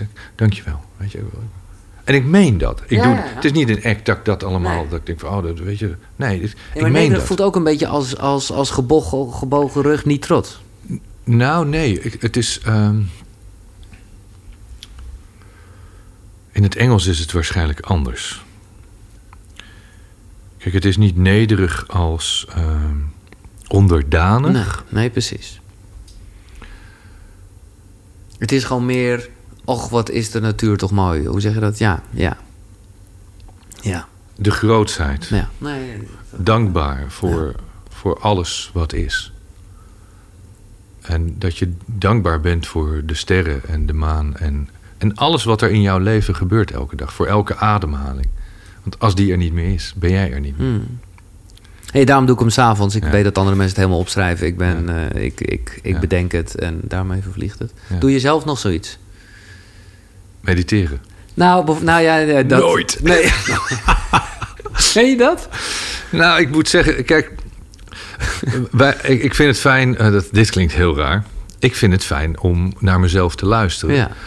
Om, ik, heb, ik weet niet, ik, ik heb nu denk 100 plus meditaties in die app staan. Dus ik weet, ik ken ze niet meer allemaal uit mijn hoofd. Dus ik luister ze om te luisteren van, klopt het nog wel wat ik zeg? Kan het mooier? Ik ben nu stiekem eh, oude meditaties ben ik opnieuw aan het inspreken, omdat ik denk van nee, kan mooier. Of eh, eigenlijk moet dit zinnetje eruit. Of eigenlijk, dit is niet duidelijk. Soms krijg ik vragen, en dan krijg ik bij de, bij de customer support van wat bedoelt hij hiermee? Dan denk ik, oh, dit moet ik misschien uitleggen. Dus ik, ik probeer ze te verbeteren.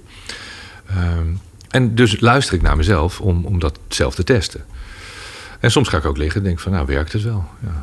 Ja. Maar een- zo'n dankbaarheidsoefening, wat een soort klassieker Ja, maar is. dat doe, dat doe ik elke dag. Ja, precies. Dat maar ik je- lig gewoon in bed elke Ja. avond en denk Ja. Dan doe ik mijn standaard dingetjes en mijn gebedjes. En, Oh, nee, oké. Waar ben ik dankbaar voor? Nou ja, laten wij dan even gaan naar eh, een, een vaste routine in eh, dit Mhm. gesprek, namelijk je ochtendritueel. Ja, Wat is het ochtendritueel van Michael Pilarczyk? niet. Niet. Nee. Jij staat op, geen wekker, Nou, mm, mm, soms wel. soms wel, eh, meestal niet. Want ehm, wij slapen met ramen open en deuren open. Dus als de zon opkomt, dan wordt het licht en dan worden we wakker. En anders hebben we Louis die eh, even op bed springt en eh, zegt van... Nou, het is nu wel tijd om... Ja. eh, hè? Dus wij worden meestal vanzelf wakker. En ja, de ene dag is dat gewoon knalhard hazes aan.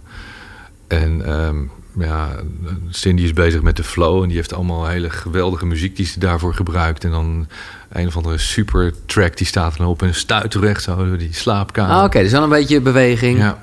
Nou, beweging wel. En wat ik meestal doe is... eh, ik ga dan met Louis een rondje over Ja. het land lopen. Wat ook dan een zijn soort we meditatief een momentje zijn we, Ja. Dan kijk ik naar de zon. Dat vind ik fantastisch. En doe je niet meer van. die eh, in Master Your Mindset beschrijf je dan wel die... eh, De Bastrika. ja, Niet elke dag. nee. Niet elke dag. Ik neem wel mijn momentje natuurlijk. Want ik loop met hem en dat is een soort wandelmeditatiemoment. Dat ik denk van nou, ik, ik, voel de eenheid en ik kijk naar wat er is. En ik doe mijn ademhaling. Dat doe ik wel iedere ochtend. En ehm, ja, de- ik doe mijn meditaties wel, maar er is geen ochtendritueel. nee. Nee. Ontbijten? Ja, soms wel, soms niet. Nee. Eh, we hebben zo'n slow juicer, dus de Ja, ene ja. dag hebben we een of ander lekker sapje met eh, bieten en wortel. En de andere dag maak ik zin in eh spinazie met iets groens. Nee, maar ik vind het machtig mooi, want ergens wist ik al gewoon wel dat je dit ging zeggen. Want eigenlijk, ik ben dus heel bijna autoritair. Maar ja, wat jij omschrijft, dit is balans. Soms wel, soms het is niet. altijd goed. Het is altijd goed. Het is altijd goed, ja. Het is gevarieerd. En het is altijd goed. Ja, het is altijd goed. Maar heb je nog een werkpuntje voor jezelf? Want zelfs eigenlijk dat sporten... en Om aan te werken. Ja, Ja. dat sporten. Waar, waar jij dus echt die absolute discipline hebt. Ja, maar dat is gewoon... Ja, nogmaals, dat is geen balans. Dat is gewoon... stuur Giel wel eens een appje dat ik zeg van ja, je zit gewoon oude video's te posten. Ja. Kan niet dat je dit elke dag doet.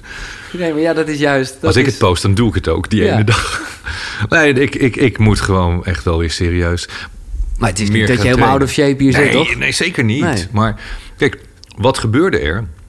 Die, Dat heb eh, je wel gehad overigens, toch? Het, het was veel beter. Nee, het was, oh, was veel veel beter, maar het was ook veel slechter, toch? Oh ja, veel, Ja, lang geleden was het veel slechter. ja. Maar het was vorig jaar eh, heel goed. Want als ik twee, drie keer per jaar op dat grote podium sta... dan ben ik echt wel in conditie. Het is Ja. zwaar, hè? Het is, Ja, begrijp ik. dat is 12 uur topsport. Ja.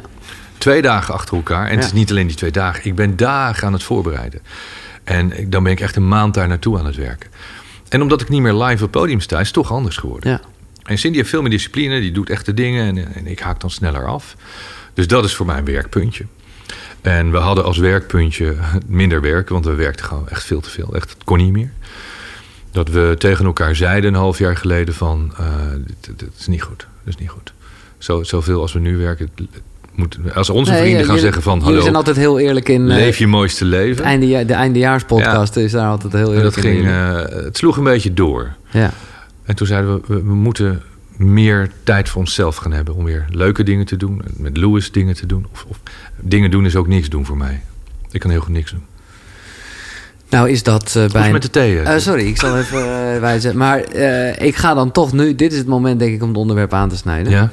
Wat ik... nou ja, niet, ik wil het helemaal niet vermijden, maar... Lees ik een boek voor. Hoe bedoel je? Als jij tegen het maken, lees ik een boek voor. Oh, zo ja. Nee, dat kan ook. Ja. Nee, maar zeg. Nee, ja. Kijk, gaat er nog ooit een live event komen? Ja, zeker. Ja, oh, zeker. Ja, Oh, zeker. oh, lekker. Ja. Oh, dit vind ik een goede spirit. Je moet echt... je moet altijd heel erg oppassen met de woorden die ik... Ik wil zeggen, je moet echt de Taliban laten uitdrukken. Dan hou je mij nog niet tegen. Nee. Nee. Maar eh, ik ga even thee halen. Ja. Een heel mooi boek bij me.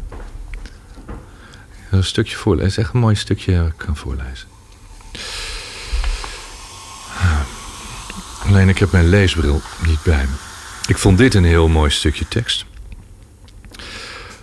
En als ik hen die ik lief heb zoek, richt ik de schijnwerper van mijn bewustzijn naar binnen.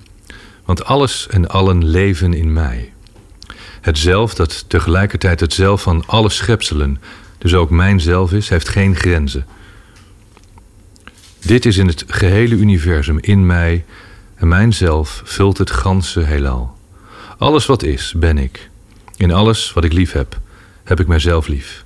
Want we geloven alleen maar dat we alles wat we nog niet in onszelf herkend hebben, niet lief hebben. Het is een beetje moeilijk, maar het is... eh, We zijn begonnen aan de boeken. is zo mooi dit. Ik heb hem nieuw gekocht, want ik wilde hem meenemen. En hij zit Oh, ergens ja, nog in, want, eh, in een of andere doos of in een van de kamers. ik ken dit boek ook niet. Ja. eh. Dit is inwijding. Ja. Het is een nieuwe kaft, want ik heb nog een eh, hele oude versie. Lang geleden.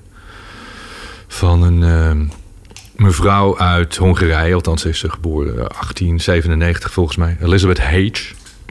En meneer priesteres in Egypte. Ja. En wanneer las je hem? Inwijding. Ik denk dat ik dit boek voor het eerst las toen ik 29 was. Oké. Ja, dat was, er was een periode dat ik eh, begon te lezen. Eigenlijk net nadat ik bij 538 weg was. Dankjewel. Ja. Toen, ehm, ja, toen had ik tijd over. Toen ging ik ineens... Ik, ik weet nog, ik heb eh, Losing My Virginity van eh, Branson gelezen. Wat te gek was. Want ongeveer elke artiest die hij beschreef in dat boek... die had ik geïnterviewd. Dus dat was, dat Ja, was ja, zo wauw. Oh, dat vond ik te gek. En eh, nou ja, Think Grow Rich, ehm, synchroniciteit. Dit boekje ben ik eh, toen Nee, gaan nee, lezen. nee, we gaan, we gaan even... En dit boek. voor boek, ja. Ja, en dit boek. En eh, En wat inwijding. ik heb geen idee hoe het op mijn pad kwam. Ik weet ook niet hoe ik eraan ben gekomen. Maar eh, wat een wauws te gek boek. Dit gaat over een, een meisje... eh, die het gevoel heeft dat zij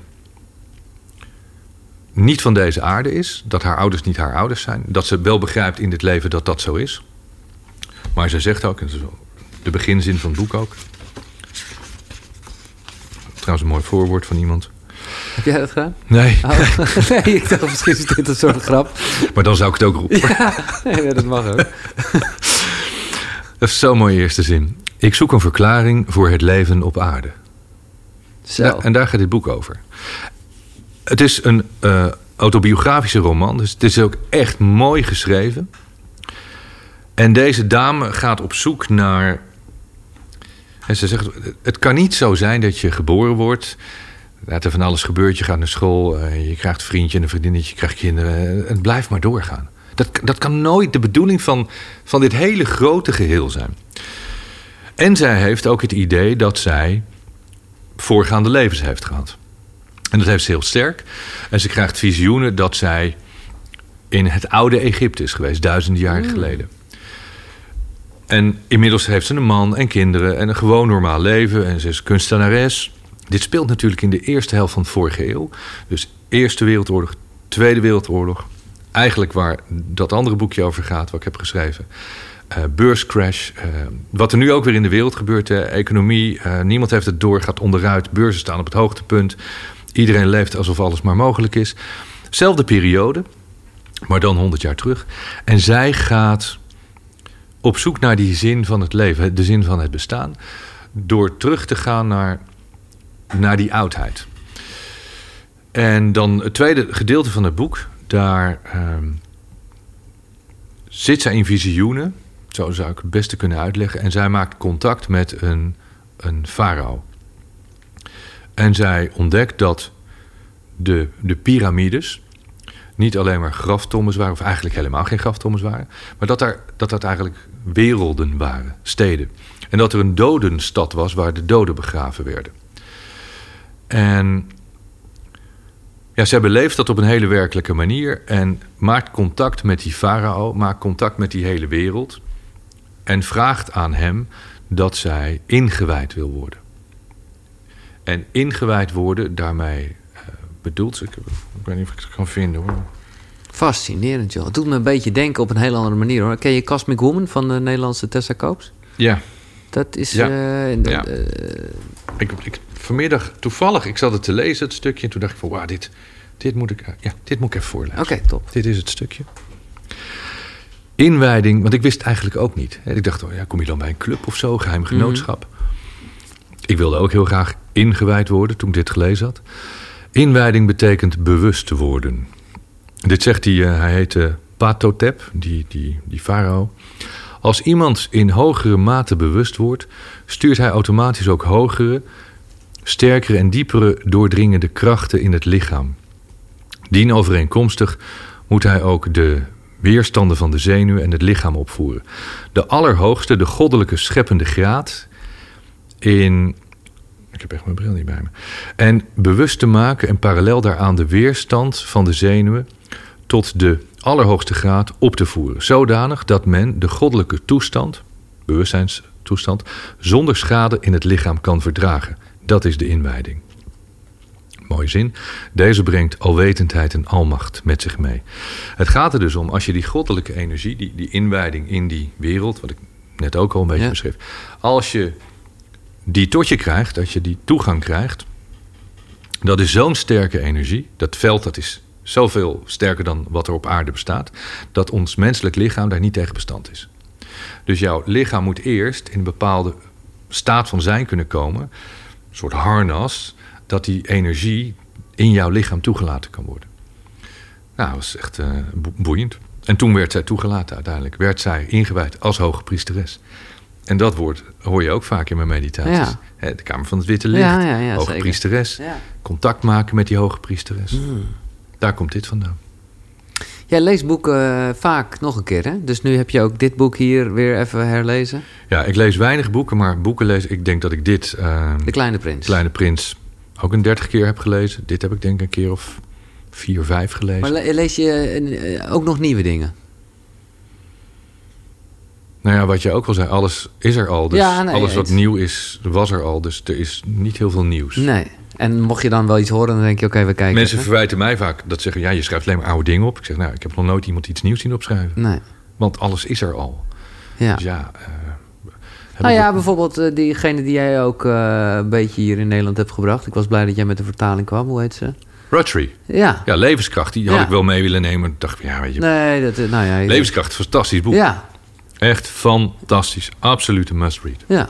Oké. Ja. En, En ik ben nu eh, Wim Hof aan het lezen. Oh ja. Ja, top. ja. ja. Super. En de Kleine Prins? eh, ja. Ja, weet je, voor iedereen die dit boekje begrijpt, begrijpt het leven. Ik denk dat alle politici dit zouden moeten lezen en alle, alle mensen op aarde. Kijk, grote mensen begrijpen niet zoveel van het leven en van de wereld en van boa constrictors en olifanten. En dat beschrijft hij heel mooi. Ik heb hier geen. Dit is een clean versie. Oh nee, want no- normaal doe ik dit. Hè. Ja, ja, gewoon een beetje arceren. Ja, ja, heel goed. Kinderen moeten heel veel geduld hebben met grote mensen. Want grote mensen begrijpen niks. Grote mensen houden van cijfers. Ik, vond dit altijd een, een, zo'n tekenend voorbeeld. Kijk, dus dit verhaal. De legende, dus een, een, een, Turkse sterrenkundige. Hij, hij heeft het dan over een, eh, een asteroïde, de B612. Die is maar één keer gezien door eh, een Turkse sterrenkundige in 1909. En die legde toen zijn ontdekking uitvoerig uit op een internationaal congres voor sterrenkundigen. Maar niemand geloofde hem, want hij had van die Turkse kledij aan. Gelukkig voor de bekendheid van deze meneer dwong een Turkse dictator zijn volk zich Europees te kleden. Dus een paar jaar later staat hij in een pak met een stropdas. In 1920 hield de sterrenkundige zijn verhaal, hetzelfde verhaal nog een keer. Voor andere sterrenkundigen, iedereen was het met hem eens. Ja, het is... eh, Als je dit boek begrijpt, Ja. Nee, ja, het is ook heel erg gewoon... Giel, ja, ik wil is- niet fantasie het is- noemen, want het dat is het is- zo mooi. Ja. Eh, dat, dat- ik heb één stukje ook in. Ik vind het echt eh, leuk dat je ermee komt. Ik heb hem nooit zo... Door jou zit ik heel erg te denken... gewoon toch automatisch aan mindset en zo. Maar dat is ook Ja, zeker waar dit boek als over gaat. Dan, als je dit begrijpt, dat stukje van. ehm, alleen het hart kan zien wat, wat de ogen niet kunnen waarnemen. Dus op het moment dat jij je ogen sluit en gaat kijken met je hart, dan kun je de waarheid pas zien. Ah, dit is fantastisch geschreven, joh.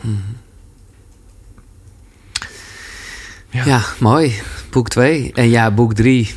Daarvan eh, wist eh, ongeveer iedereen dat hij erin zou komen. Ja. Het zou eh, ook gek zijn Nou, als ik, het ik, kon hem, ik kon hem niet achterwege laten, natuurlijk een beetje. Nee, maar ja. Ik heb hem door jou. Ik ben, ik ben heel blij mee. Want Ja. Master Your Mindset is, nou ja, daar begonnen we mee. Een Ja. heel duidelijk. Nee, nuchter vind ik Heel niet een goed woord. Praktisch Ja, is het woord. praktisch.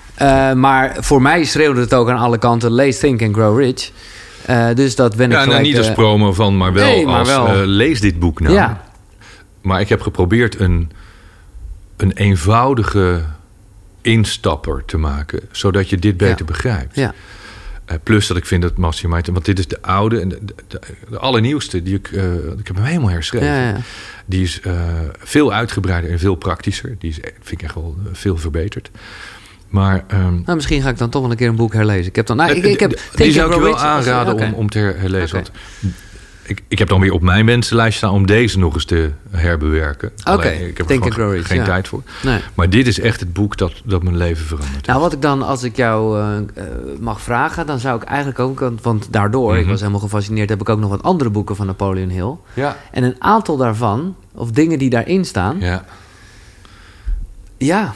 Die vind ik misschien... eh, nou ja, die, eh, die vullen het mooier aan. Ja, Dus, dus ik zou bijna zeggen, eh, ja, voeg daar ook Nou ja, kijk, de, de departement Je hebt natuurlijk de, de Laws of Success, die, die echt heel goed is. En ehm, Outriding the Devil.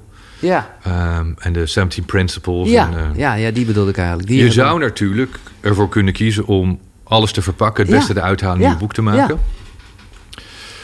Ehm, maar ik, ik wil zelf ook wel weer eens een nieuw boek Nee, dat begrijp ik. Nee, eh, dat begrijp Want ik heb dit nu geschreven. Ja. Eh, Nou, en even voor de goede orde. De, de, het is niet meer de vertaling van, van die twee boeken Nee, natuurlijk. en, en zeker niet zoals je het introduceert. En ook het, Ja. ja. En er zit ook natuurlijk wel de boodschap in die ik wilde meegeven... van wat er nu gebeurt in de wereld. We komen daarop terug, maar ik wil Ja. eerst even Think and Grow Rich afmaken. Ja. Omdat dat ook wel echt een boek is eh, wat jij regelmatig herleest. Wat vond jij er goed aan dan? Ja, het heeft me gewoon... ehm, Kijk, het, het- ik dacht vroeger altijd alleen maar wie goed doet, goed ontmoet. Ja, Nou, dat zit er heel erg in. ja. Maar het gaat eigenlijk nog zelfs wel een trapje daarvoor. Het is eigenlijk al wie goed denkt, goed Het ontmoet. begint met denken. Ja, En de meeste mensen denken niet. nee, Veel mensen piekeren. Maar echt denken. echt denken. Echt precies. denken, dus Ja. dat je... Laten we zeggen, minimaal een half uur. Maar liever een uur. Echt de tijd neemt om te gaan denken. Of drie uur. En drie, vier uur is wel de max dat je kunt denken. Dat- Dan wordt het te zwaar. Maar dat je echt nadenkt over één vraagstuk. Ja. Nou ja, dat omschrijft hij in de, in de interviews, hè, voor de mensen die het niet kennen, met alle succesvolle mensen uit die tijd, die dat allemaal op hun Zo boeiend. Ja, het is fascinerend. Ja, het is echt fascinerend is een mooi woord. Dat, dat is het echt. Het is echt fascinerend. En het, we doen dat heb ik jou wel eens verteld, die, die, die 17 principes. Ja, ik Ja. er nog steeds dromen. Heel want dat praktisch, is, dat is, en dan wil je natuurlijk weten hoe dat met die seksuele energie zit. Eh, we zijn er. Fijn.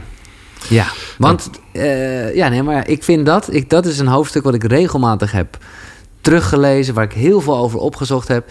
Ik, weet, ik, ik ben er iets rustiger in geworden hoor. Want het werd bijna een soort fascinatie. Van wat obsessie. bedoelt deze man nou Ja. precies met het transmuteren Ja. van seksuele energie? Iets waarvan ik dacht, ik snap wat je bedoelt. Want holy shit, wat een power heeft dat. En dat zie je, Dat in het. dat zie je in het hele leven. Dat is het. Maar hij heeft het, mijn inziens, eh, zo wollig omschreven... dat Ja. ik in eerste instantie niet eens wist... of hij nou bedoelde dat we het eh, helemaal niet het. moesten doen. Ik begrijp er niks. Of, nee, oké. Totaal niet. Oké, fijn. Het heeft geduurd tot ongeveer mijn 1,42ste, dus tien jaar geleden pas, dat ik dat stukje van het boek begreep. Vlak voordat ik dit ging vertalen, begreep ik eigenlijk dat pas. En ik heb net zoals jij eh, alle vragen voorbij laten komen van wat bedoelt hij nou? Wat, moet ik het dan juist heel veel doen? Of moet, moet ik, mag ik het niet meer doen? Of... Nee, je mag het niet meer doen. nee, nee, nee. Nee, Nee, dat, nee, wil je niet. Nee, nee, nee. Maar ik weet inmiddels ook... Ik, ik, ik, ik Nee, maar voel hem al wat je net zegt, het, het is die enorme drive. Ja, Kijk, het is, het is de creatiekracht die het leven is. Seksuele energie, weet je, onder chakra. Waar het leven ontstaat. Waar de kracht ontstaat. Wat hij wel beschrijft, waar mensen hun reputatie voor op het spel zetten. Want jij ziet een leuk meisje lopen en je hebt een relatie en je hebt een belangrijke baan en je bent belangrijk. En toch denk je, ja, weet je, dat meisje gaat vanavond aan. Want je kan, je kan die lustgevoelens niet bedwingen. Die gevoelens, die enorme drive waar jij het niet van kan winnen, die stelt jou in staat om alles mogelijk te maken wat er voor jou beschikbaar is.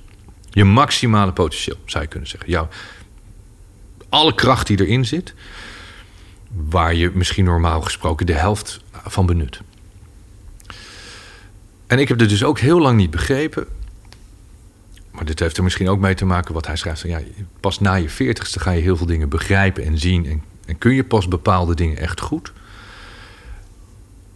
Als je heel erg die drive hebt en die seksuele drang om dat fysieke maar te willen, eh, bijna seksverslaafd, ehm, dan gaat het in ieder geval niet gebeuren. Want dan gebruik je die energie alleen maar voor het fysieke. ja. En je moet die energie kunnen transformeren, omzetten op de momenten dat jij heel graag iets wilt. Dat, dat enorme verlangen. En ik heb wel ontdekt dat is niet iets wat je ehm, kunt leren of op een knopje kunt drukken. Maar je moet het wel voelen.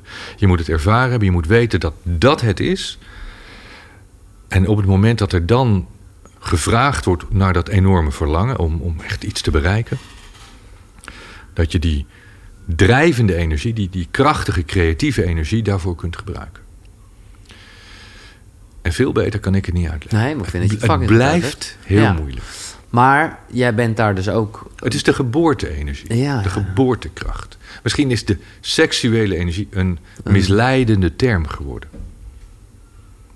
Maar het is wel wat hij ermee bedoelt. Ja. Nou ja, en wat, wat hij ook omschrijft... En daarom denk ik, ja, nou ja, daar zal jij bijvoorbeeld beter in staat zijn... omdat jij heel lang een vaste partner heeft, is, hebt. Is dat Ja. heel veel succesvolle mensen hebben... eh, een rijke man, of een rijke, een, een, Sterke. een sterke man of Wijze. vrouw. Ja, Slimme, ja, mooie. ja. Ja, ze zit daar. dus. Nee, ik weet het. Daarom is het misschien... Maar is dat... Ja, maar... Ja, maar eigenlijk pas nadat ik Cindy had eh, ontmoet... en dat wij echt, echt een hele hechte band hadden... en een hele hechte relatie... toen pas ben ik dit gaan begrijpen. Mhm. Daarvoor niet. Nee. Nee, dat realiseer ik me ook. eh, Want ik, ik, ik, nogmaals, ik ben er iets te veel ingedoken. Maar als ik dan zo vrij mag zijn... eh, hebben jullie daar ook verder mee geëxperimenteerd? Met tantra-achtige dingen en zo? Nee. Nee. Maar jij bent, of af en toe, of hoe moet ik dat zien... wel in staat om die seksuele energie om te zetten in een drive... voor dingen die te maken hebben met je werk. Ik of- ben unstoppable. Ja, Ik ben die boostknop in die Formule 1... dat als die nodig is, dan zet ik hem aan. ja. Ik zeg dat ook altijd. En dat is echt niet overdreven. Cindy weet het. Alle mensen die met mij gewerkt hebben... en dat is geen opschepperij, maar... ik hou niet op. Nee. Ik zeg ook altijd... Ik, ik Maar ga, oké, ik maar kan je me een kleine door. tool geven Ja, hoe ik die knop kan vinden? Ja, Nee, ik vind het al machtig mooi dat je het zo goed hebt uitgelegd. En dan daarom Ja, raad ik je aan om toch er weer een nieuwe vertaling te Jij hebt het volgens mij ook wel. Ik denk het ook. N- niet iedereen. Alleen het probleem is een beetje, laat ik gewoon heel eerlijk zijn... dat op het moment dat je nog niet een vaste waarde hebt... eh, Hè, als in een eh, relatie... Mhm. dan is precies wat jij eh, schetste met, met die zakenman... die dat meisje ziet lopen... Ja. ja, dan is dat dus ook nog een aanwezige energie. Ja. Ofwel, dan is er toch af en toe een gat... Een lek, zou je kunnen Ah, die zeggen. mag er nog steeds zijn. Want het is niet zo dat er maar een bepaalde hoeveelheid van die energie is. Nee. En als jij denkt, die ga ik vanavond aan die ene meneer of mevrouw besteden. Dan is er de volgende dag nog wel iets voor een goed idee. het, de- is er echt nog wel. Ja, oké. Het is er echt wel. Maar je moet in staat zijn om die enorme krachtige energie te gebruiken om in te zetten voor die andere dingen. Ja. Daar gaat het om. Ik denk ook dat ik het wel een beetje kan, hoor. En ik denk dat ik er beter in word. Iedereen die enorme passie heeft. Ja, exact. Alle artiesten, sporters, kunstenaars, die, die, die activisten, die, weet je, die. Ja, drive, ja. Ik ga door, totdat. Ja. Dat. Ja. Het is heel moeilijk om dat om, althans voor mij Nee, moeilijk om ik, te ik omschrijven. bedoel, het is een onderwerp dat vaak is teruggekomen. En notabene de man die het hertaald heeft. Eh, Ik, ik zou het nog een keer... eh, Ik zou nu... Ik schrijf ook vooral andere boeken. Ja, maar ook door dit soort feedback ga ik zo'n boek anders lezen. En dan denk ik van, ja, dit moeten we dus anders beschrijven. Want hier zijn heel veel vragen over. Maar in, in het geval van Think and Grow Rich... eh, omdat hier rechten op zitten... Mhm. en de meeste andere boeken die ik vertaal zitten geen recht op. dus Nee, ik, ik mag vandaar. ermee doen wat ik ja, wil. Ja, oké, dat voel me af. Ja, ja. Ben ik heel dicht bij dit boek gebleven. En uiteindelijk ook niet helemaal waar... want als je dit naast het origineel legt, is het ook wel anders. Want ik zou heel graag mijn vertaling weer willen vertalen naar het Engels omdat ik vind dat mijn, boek, mijn vertaling veel beter is dan de andere vertalingen. Maar ja, dat vind ik. Maar eh, dat kan qua rechten dan weer niet. Hmm, Dan moet iemand dat in een volgend leven doen. Oké. Ja. Maar je- ben je bezig met een boek of iets? Nou ja, je hebt dit dus net gedaan. Nou, ik, ben, ja, ik ben in mijn hoofd bezig met een boek. En is dat een roman of is dat Master Your Mindset 2? Nee, dat wordt wel een eh, Master Your Mindset 2. Ja. En, en eh, Ik wil heel graag een roman schrijven. Want Ja. ja, ja ik vind... eh, het creëren van een, van een wereld die niet bestaat... of misschien wel, maar in een romanvorm... Ja. En wat ik in Dans in de Hemel heb kunnen doen. Een beetje de waarheid met, met fictie. ja. En, dat zou ik heel graag willen doen. Ehm, een beetje alchemiste kleine prins. Weet je, Ja, ik hou van dat soort boekjes. Ik vind dat mooi. Ik hou van sprookjes. Ik hou van eh, belangrijke boodschappen verpakken op een manier dat je denkt van... Ja, je moet even goed lezen wat er staat. Maar een roman schrijven kost, althans voor mij... eh, nou, zeker wel anderhalf, twee jaar. En dan kan ik er niks anders bij doen. En Meditation Moments is echt een bedrijf... waar ik natuurlijk de meditaties maak, voel, bedenk, inspreek... eh, edit. muziek. eh, ja. Een heel team met jongens die helpen met montage, met muziek maken. Een heel team uh, met, met customer support, marketing, ja. meedenken. Internationaal zijn we nu bezig, een half jaar. Dus ja, daar, daar werken 30 mensen, dat is een ja. bedrijf. Dus ik kan niet zomaar zeggen, dat doe ik even niet meer. Nee. En we hebben onze live events, we Mastermind Academy. We doen nu voor het eerst dit jaar een jaarprogramma. Dat gaan we volgend jaar weer doen. We gaan toch weer een businessprogramma doen dit jaar. Dus ik heb heel veel andere dingen. Ja. Dan kun je niet een roman schrijven. Maar ik wil wel graag een tweede master mindset schrijven. Ja. Oh, sorry, ik onderbreek eventjes uh, dit fijne gesprek. Maar dat is vanwege iets dat met boeken te maken heeft. En ja, ik hou van boeken. Ik hou van verhalen. Van lezen, maar ook van luisteren. Vooral als je onderweg bent of gewoon, uh, nou ja, weet ik veel wat aan het doen bent. En ik heb nu iets stof met de vrienden van Next Story. Daar vind je echt op die site, jongen, 300.000 boeken. Dus ook zeker de boeken die net besproken zijn.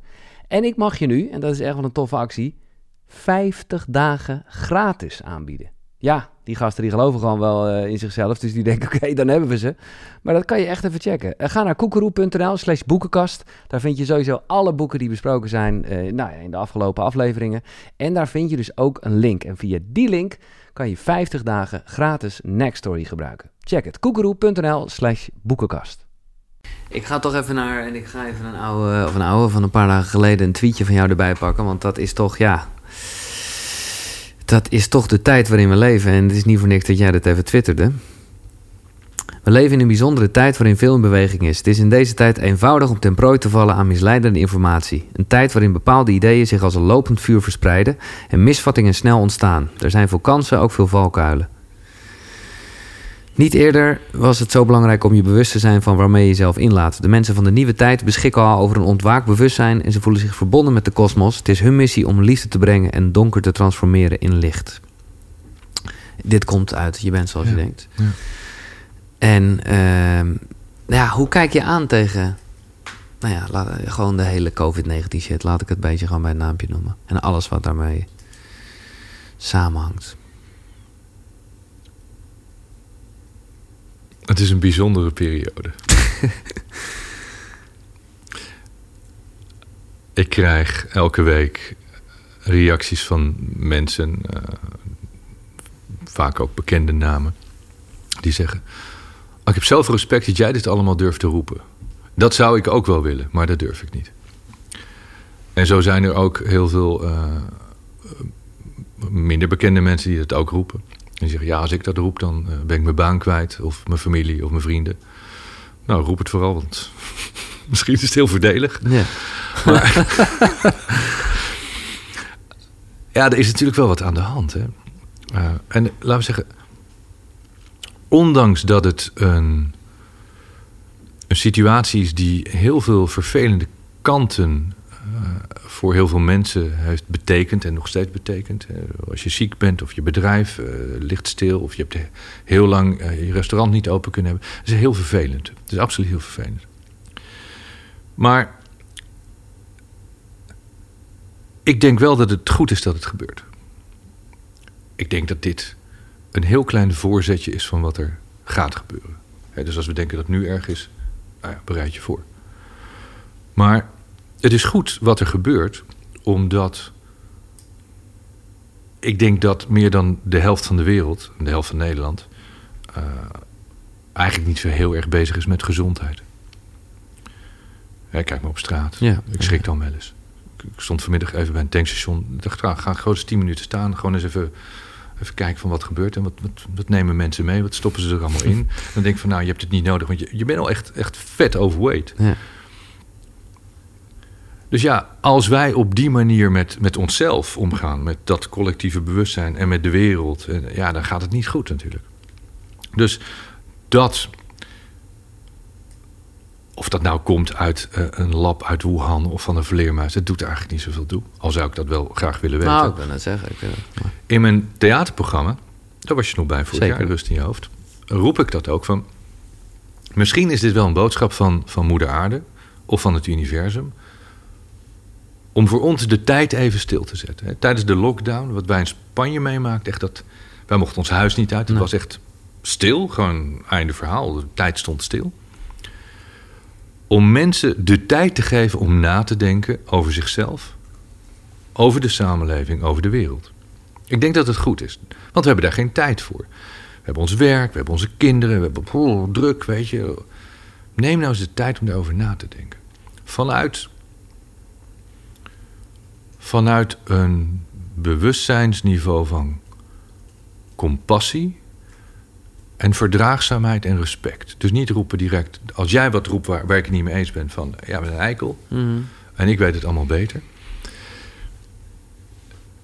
Maar het is goed dat het gebeurt, want je ziet wel dat heel veel mensen gezonder zijn gaan leven Ja. het afgelopen jaar. Nee, oké, ja. Dus ik ben daar best wel blij mee. Dat is oké, maar dat is, oké, dat is de positieve kant van een, van een, van een virus. ja, maar zo er zijn er heel veel Maar laten we positieve kanten. ja, oké, maar laten we niet even. Ik bedoel, eh, er gebeuren ook dingen waarvan je kan denken en waarvan ik eigenlijk wel weet dat jij er ook over opwint. Dat je denkt, ja, Ja. maar dit klopt noem, er, gewoon. noem er eens een. Nou, gewoon de kracht van de farmaceutische industrie. Ja. Weet je, het, het moeilijke daarvan is dat... eh, dat zijn de boeken die ik, die ik schrijf. Ja, Ehm, zoals wij daarover denken, is dat zo. In welke waarheid, welke werkelijkheid ja leven wij? De farmaceutische industrie is in de beginsel bedoeld om mensen beter te maken. Zou je denken. Ja, zo is het ooit begonnen. Zou je denken. Ja, ja, precies. Ja. En als ik bij een dokter kom of in een ziekenhuis, dan zijn zij daar om mij beter te maken. En niet om mij eh, een poot uit te draaien. Denk ik. En zoals in alles in, in het leven en in de wereld en in het leven, in het grote geheel, is er, zijn er twee krachten. Je hebt de goede en de slechte kracht. Dus er is wel degelijk goed en slecht. Dat is het andere goed en slechte dan het oordeel dat wij geven van ik vind jou goed of ik vind jou dat. Dat hebben wij ervan gemaakt. Maar er is in dit, dit universum is goed en, kwaad en goed. De duivel en het goede, hoe je het wil noemen. Ja, ja. Maar dat is er gewoon. Dus er zullen heel veel goede mensen werken in die farmaceutische industrie en in de medische industrie die mensen echt willen helpen om, om ze beter te maken. Met, absolute overtuiging. Het zijn ook bedrijven, dus er zullen ook mensen zitten die denken: Dat ja, is het. Ja, ik zeg ook niet dat het iemands fout is. kunnen maar wel heel het- veel centjes verdienen Ja. op deze manier. Maar laat ik het anders insteken, want heel veel mensen maken zich hier druk over. Ik spreek nog wel eens met artsen en met mensen die in die wereld zitten. En zo vroeg een arts, een paar jaar geleden al eens aan mij, hij zegt... Heb jij wel eens een kroon gekregen of eh, een kunstgebit of iets, of een kunstheup? Of... Hij zegt, eh, heb je toen gevraagd eh, welk type je kreeg en welke uitvoering? Als je een auto gaat kopen, zeg je, nou, ik wil die auto en ik wil die uitvoering met die motor. Dan heb jij een kunstheup nodig. Je krijgt er gewoon eentje. Je krijgt er een. Ja. Je hebt er toch nog nooit over nagedacht? Nee. Dat zij ook allerlei leveranciers hebben die zeggen... joh, als je nou die neemt, of die... En hiervan weet ik toevallig dat dat wel echt zo is. En dat zal ook niet altijd zo zijn, maar dit zijn wel dingen die gebeuren. Dat gebeurt natuurlijk overal. Ja. Dus ja, er zijn mensen die zijn goed en mensen die zijn... Nou, eh, ik wil niet zeggen dat ze dat slecht bedoelen, maar die hebben misschien andere intenties. En daarvan zien wij natuurlijk dat er een soort gedachtenstroom op gang komt bij een groep mensen. Die zeggen, ja, maar ze doen het echt om... Eh, dat, ik weet dat niet. Ik weet dat niet. Ik, ik, ik durf daar geen uitspraken over te doen. Ik vind het ook moeilijk hoor. Ik ben er nou, gelukkig al wat minder mee bezig en nooit zo, nooit zo heel erg mee bezig geweest. Maar ook wel, we hebben het een keer wel eens eerder hierover gehad. Toen ik in het begin van de lockdown ernstig behoefte had om Ja. livestreams te maken. Met eigenlijk als bedoeling rust te zaaien. Maar dat werd alleen maar onrust, Ja. dus toen ben ik ermee gestopt. Maar ik vind het, eh, ja, weet je, ik word dan ook weer in, in As a Man gaat het dan weer over hoe je, nou ja, niet anderen de schuld mag geven van je leefomstandigheden. En dat, ja, dat voel ik dan wel waar. Maar tegelijkertijd denk ik, ja, maar wacht eens even. Ik mag gewoon na tien mocht ik het huis niet meer uit. Dus ja, eh, dat, ja. Maar we moeten, we moeten kijken van waarom gebeurt het. Hè, Als we het heel simpel terugbrengen.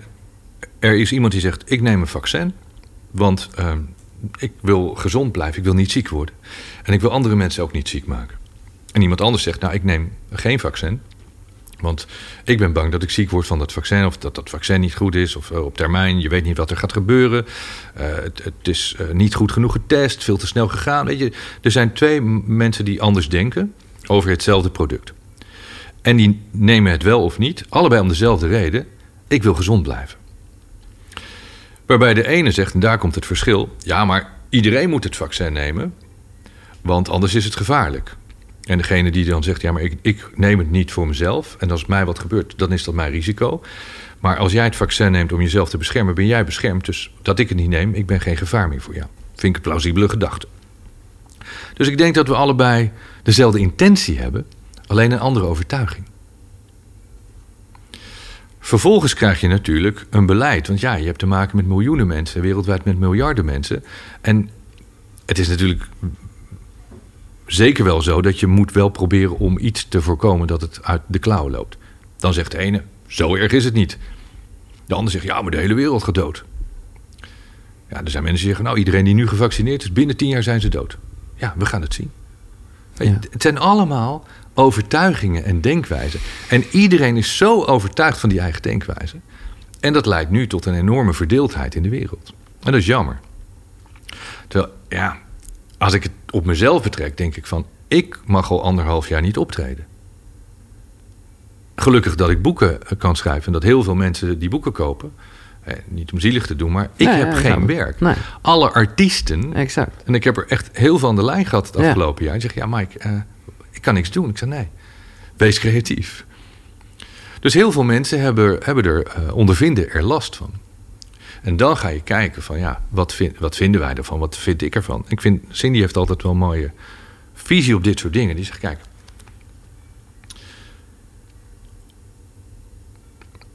haar voorbeeld vond ik heel, heel tekenend. Jaren geleden werd er fruit en groente geteeld.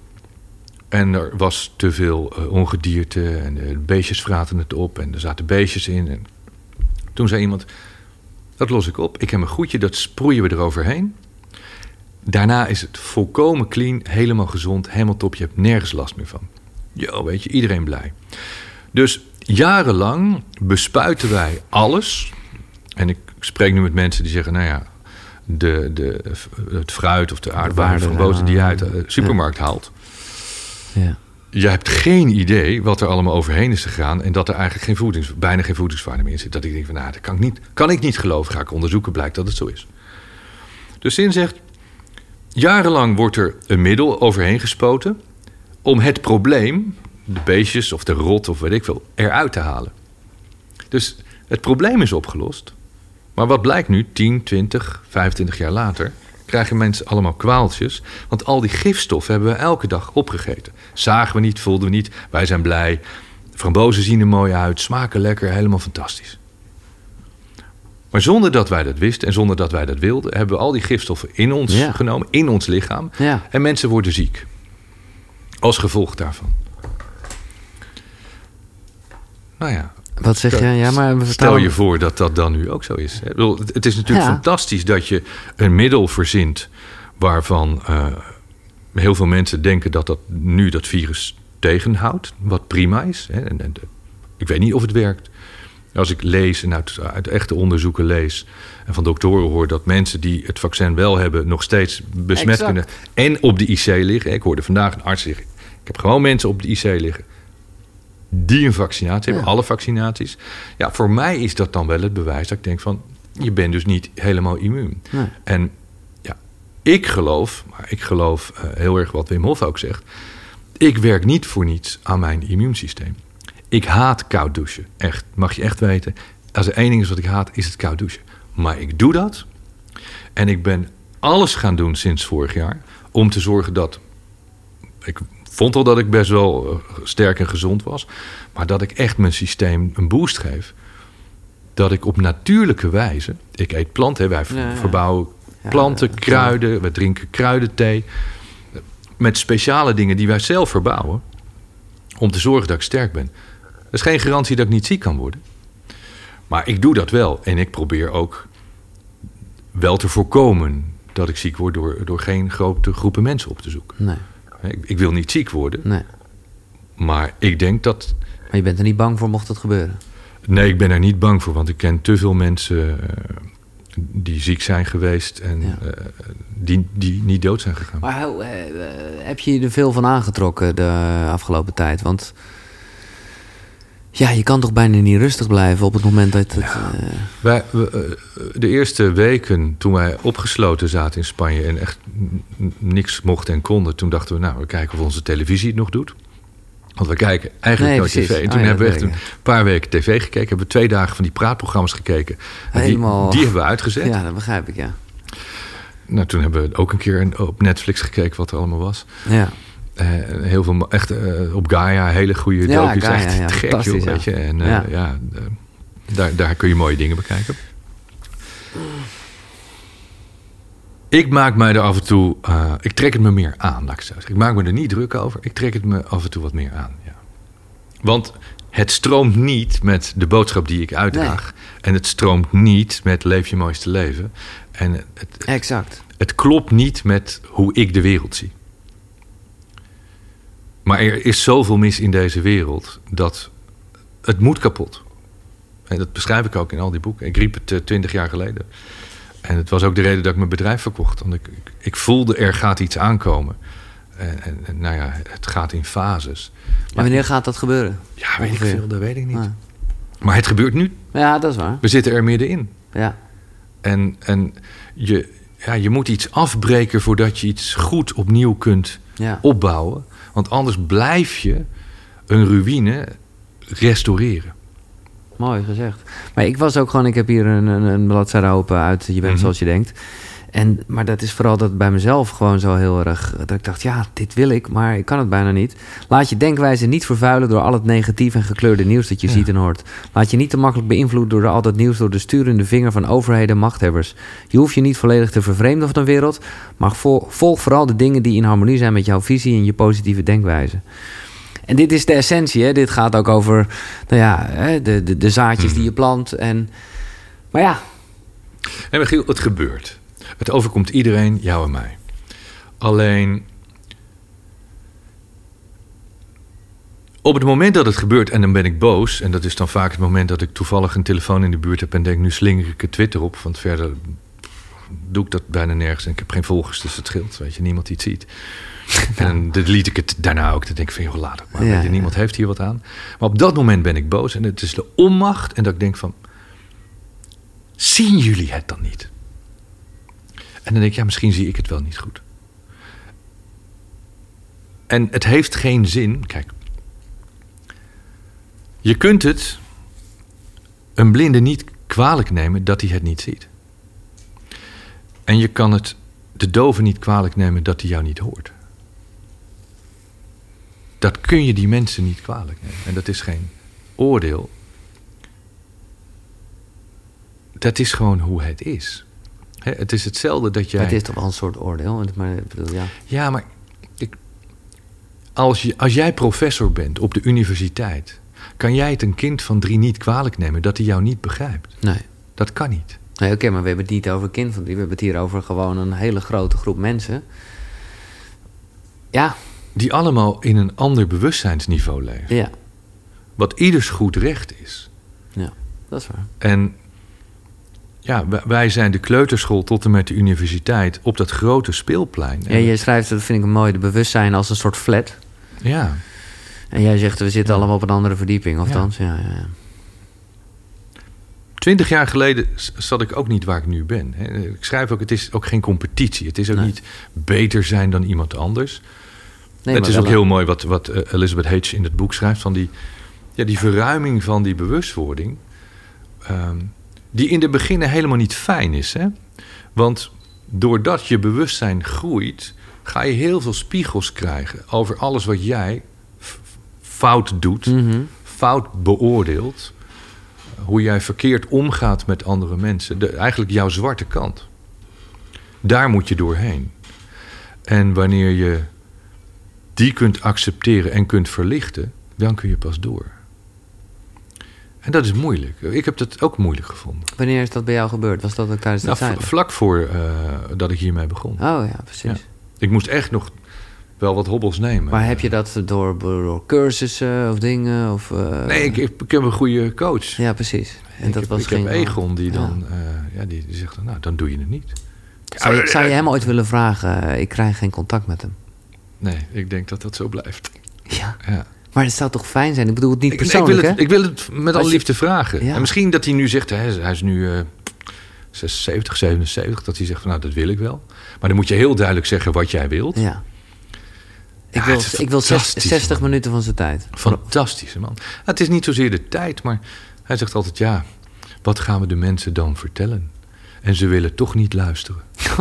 dat is wel een, een, een cynisch beeld. Nee, hij is gewoon heel realistisch. Ja, is dat realistisch, ja? Hij is heel, kijk, hij coacht al 50 jaar. Laat ik zeggen 100 miljoen mensen. Hij zegt ja, dan komen ze drie keer en dan geef ik advies en dan zeg ik wat ze moeten doen. En dan begrijpen ze het en ze doen het niet. ja, kom dan niet. Nee. Ja, wat is daar niet waar aan? Daar Nee, heeft, ja, heeft hij gelijk in. Ja. Dus ja.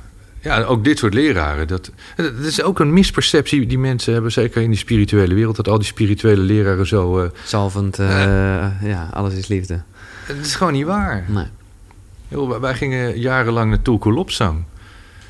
Eh, De monnik uit Tibet. Was die diegene die zei, jij bent het probleem? Ja, die. Ja, You are the problem. ja dat is fantastisch. Dat is te gek, weet je. Dat je denkt van, gast. Hey, ik kom hier voor mijn plezier, weet je.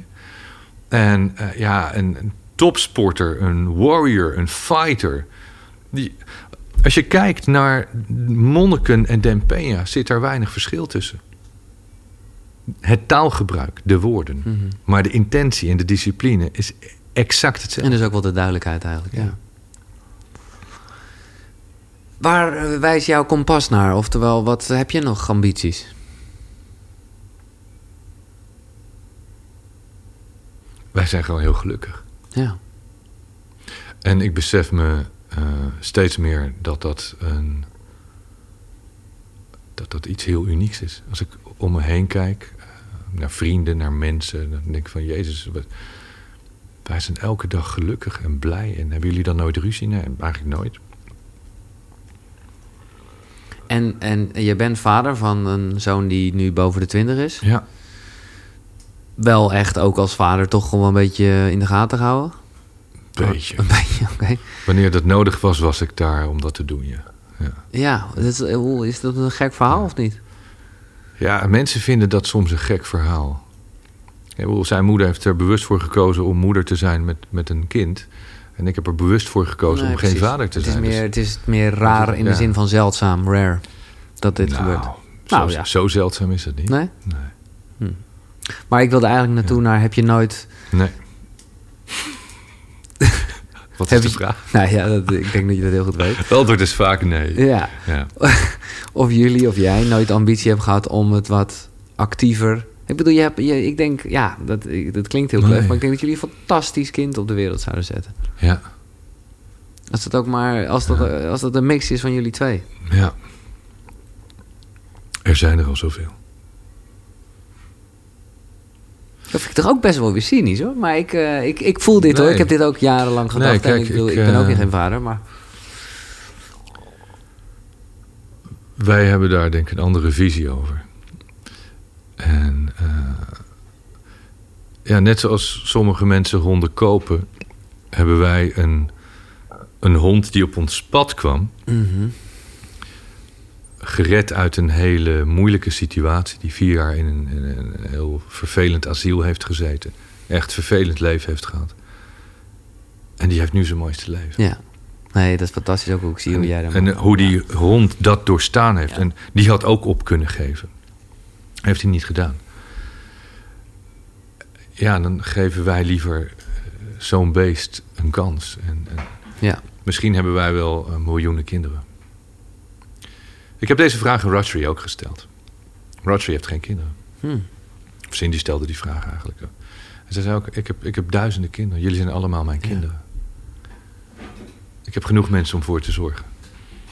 Ik heb, ik heb honderden berichtjes elke dag. Ja, ik wil het zeggen, dat van, eh, goed. Ja. Pap, ja. eh, wat moet ik doen? Dus ja, weet je. En, maar voelt dat, eh, want bedoel, zit daar ook de verantwoordelijkheid aan? Want ik had juist de indruk, Ja. dat heb ik eerder eh, al tegen je gezegd toen we het een beetje hadden over ego, dat ik gewoon echt krachtig vind hoe jij dat ook nou, op een gezonde manier weet te blokken. Ja. Maar zoals je het nu schetst, Ja. als je kinderen, dan En- is het bijna, eh, komt het wel toch dichtbij. Ja, nou, ik, ik, eh, ik neem daar wel veel verantwoordelijkheid in, denk ik. Ja. Maar niet echt ambities meer. Nee, gewoon, ja. Ja, ja, er is altijd ambitie natuurlijk. Ja, Weet maar je, dat, zijn- ja. Want oké, Ik wil, met de app wil ik eh, het liefste iedereen wereld, in de ja. wereld bereiken. Ja. Hè, onze ambitie is dat we zeggen... we willen 100 miljoen mensen een heel klein beetje stukje rust in hun hoofd... of een klein beetje geluksgevoel meegeven. Hè, dat je even zegt van... ik was een klein lichtpuntje in het leven van heel veel mensen. Dat vind ik een enorme ambitie. Ja. Dat vind ik mooi. Wat is, eh, want wat, wat, wat moet er nog toegevoegd aan Master Your Mindset 2? Ik denk niet dat die zo gaat heten, maar... Het nieuwe boek. Ja, ja daar ga waar- ik ook eens over nadenken. Oh, je, maar er zit, eh, kan je... Een... Er zijn altijd dingen, dan, dan praat ik met iemand. Elke Ja. dag leer je. Hè? Ja. Van, van iedereen met wie je spreekt, leer je. Dus dan schrijf ik dingetjes op, want ik vergeet alles. En ik van, oh, dit is mooi om te vertellen. Of dit is een mooi verhaaltje om te vertellen. Of dit is nou goed om eens uit te leggen hoe dat werkt. En, ja, en ik wil weer mooie verhalen vertellen. Maar is er Dus- één onderwerpje waarvan je denkt, nou, dat... dat Nee, het is bewustzijn. Bewustzijn, ja. Ik vind wel heel knap bijvoorbeeld hoe Wayne Dyer 60 boeken heeft geschreven... en Deepak 90 boeken. En, Ja. en Roy heeft ook, geloof ik, ja, 80, 200.000. eh, Maar hij is al 165 natuurlijk. ja. En hij wordt 300, heeft hij verteld. Ik begrijp het niet. Ik denk van, hoe, hoe dan? Ja. of ik schrijf heel langzaam, dat kan ook natuurlijk. Nou ja, dat, het Ja. maakt niet uit als het maar, weet je... eh, Ik denk dat je soort één boek kan schrijven dat ik- 200... Ik bedoel, dit, je hebt gewoon... Ik, bedoel, ik, Ik heb het boek al drie keer geschreven. Ja, maar het is het, is het grootste boek, eh, Nederlandse boek Ja. althans, over zelfontwikkeling ever. Dus ja, ik heb liever dat je er eentje zo schrijft dan dat je Ja, dat vind ik ook. Als je naar Covey kijkt, heeft hij heel Nou. veel boeken geschreven. Maar één boek, één essentie. dat, dat al 40 jaar eh, het boek is. Dus ja, dat... eh, ja. Ik heb het ook wel over gehad, van meer over mindfulness en meditatie, om daar iets meer over uit te wijden. Maar misschien ook wel eh, The World According, according to Michael. En dan denk ik van ja, er zit niemand op te wachten. Weet je. Maar ik vind nog wel lachen. Ja. Ehm, ja, de dood. Je liet het al een aantal keren vallen. Je bent er niet bang voor. Wat gaat er gebeuren? Wat is de dood? Ja, we weten het niet, snap ik. Maar we zitten even lekker hard op te filosoferen en een beetje te denken wat het is. Het is in ieder geval het afsterven van het ego, zei jij? Nou ja, het, het, het lichaam sterft af. Ja, Dat, dat weten we zeker. ja. En of daar daarna iets doorgaat of overblijft, dat... We weten het niet, maar wat, denk, niet. wat denk je? Ja, ik denk van wel. Ja, precies. En, en hoe uitzicht dat? Nou, ik, ik, ik weet van wel. Jij weet van wel. Ja, ik durf wel te zeggen, ik weet van Oké, wel. hoe, eh, hoe? Omdat het zo is. Omdat je dat gewoon echt zo hebt gevoeld? Omdat ik niet dingen kan zien die er niet zijn. Dan zou ik ze niet kunnen zien. En ik kan niet dingen voelen die, die er niet zouden kunnen zijn. En jij En ik ben zegt, niet de enige Nee, nee, nee. Dus jij zegt, en ik voel dingen van mensen die, Ja, eh, waarvan hun lichaam niet meer op deze planeet is. ja ik voel het zelfs soms als een lichaam nog wel op deze planeet is. Ja. En ja, ik heb gewoon zoveel gezien in die, in die meditaties, in die visioenen. Dat, Cindy weet het ook.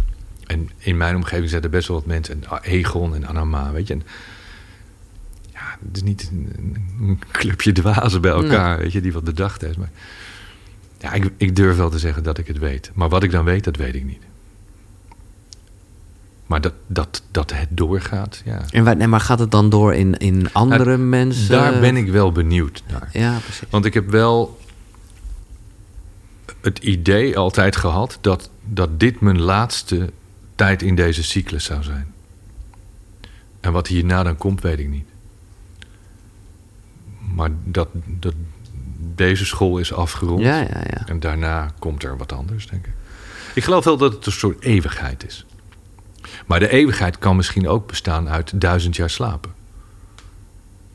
Want duizend jaar is voor ons misschien lang. Nee, maar het is een... eh, Dat kan zomaar heel kort zijn, ja.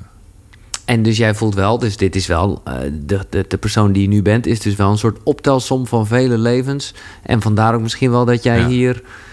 Dat denk Ja, ik wel. Ik weet dat jij jezelf niet verlicht noemt, tenminste. Nee. Maar in ieder geval een licht mens. Ik ben wel licht. Ja, toch? Ja. Ik was heel duister. Maar dat dat ik is een hele donkere kant, heel weemoedig en destructief. Ik ben nu wel een stuk lichter. Ja. Maar dat is dus ook, dat is dus hier, mijn pen eh, Ja, ja. gaat. Maar dat is dus ook wel Ja. de optelsom van. van Ja, dat denk ik wel. Dat denk ik wel. Maar het is ook wel wat er natuurlijk in deze afgelopen 50 jaar hier is gebeurd. ja. Gewoon de hele praktische dingen. Dat, eh, ja, absoluut. Eh, verdraagzaamheid, liefde en respect. Ja. Ja, ik zeg dit vast omdat ik gewoon dan die woorden voor je neus wegkaap. Want ik, mijn vraag is, hoe wil je herinnerd worden? Het maakt me echt helemaal niks uit. Ja. Ik heb, ik heb één, niet eens wens, maar... We waren bij, uh, bij Tony Robbins in Londen. En zijn vaak naartoe gegaan. En, uh, en toen zijn ze en ik op een kerkhof gaan wandelen. Dat was daar in de buurt bij het hotel. Het was een heel mooi kerkhof. En toen zag zij ineens een hele mooie grafsteen en er stond op... He was an extraordinary man with an extraordinary life. Toen dacht ik van wauw. Ja, zet dat er maar op. Dat vind ik mooi. Want zo voelt het wel. Ja. Nou, verder weet je hoe mensen mij nee, herinneren. Nee, maar dit is al wel... Het, maar dit vind ik mooi, ja. En iemand, ja, die zijn mooiste leven geleefd heeft. Zeker, ja. ja. En ben ik heel dankbaar voor. Want ik heb wel... Ik roep altijd dat het is heel maakbaar en je kan het allemaal zelf. En ik ben absoluut van mening tot op een zekere hoogte, bij mij is dat een hoge hoogte, is dat maakbaar. Maar je moet wel wat hulp hebben af en toe uh, van mensen die jou op het juiste pad de richting wijzen. Precies. Dat is wat koekeroe, hè? De, de goeroe Ja. zit in je. Ja. Maar dat betekent niet dat je leraren en dus goeroes zou je Ja, kunnen zeggen. en dat zijn niet alleen de, de coaches. Nee. Egon is voor mij heel belangrijk geweest. Nee, maar dat kan ook een dametje Maar zijn. het is je eh, relatie ja. geweest, je eerste liefde. Ja. Eh, de laatste jaar is het heel erg Cindy die, die mij op dat pad houdt. Ja, eh, we kunnen uren lullen, Michael. Fantastisch. Bedankt voor je tijd. Jij bedankt. Eh, meer informatie. Eh, mag ik een paar je bent zoals je denkt weggeven? Ja, natuurlijk. Ja, Ja. hoopte ik al. Dan moeten Dus- we er even een paar blokkeren. Oké, ja. Koekeroe, ja, dat weet ik. Koekeroe.nl slash Michael. Daar vind je meer informatie. Dus koekeroe.nl slash Michael. Nou, daar is hij. Wim Hof, koud douchen. Morgenochtend weer? Koekeroe. Elke dag. Ja, vreselijke blijft het, hè? Ja, Vreselijk begin van de dag. Ik kan het alleen maar beter worden. zo is het. Eh, dit was de Koekeroe. Bedankt voor het luisteren. Doe duimpjes omhoog. Eh, deel deze vooral ook, want het is wel een hele bijzonder, zou ik zeggen. En tot de volgende. Hoi!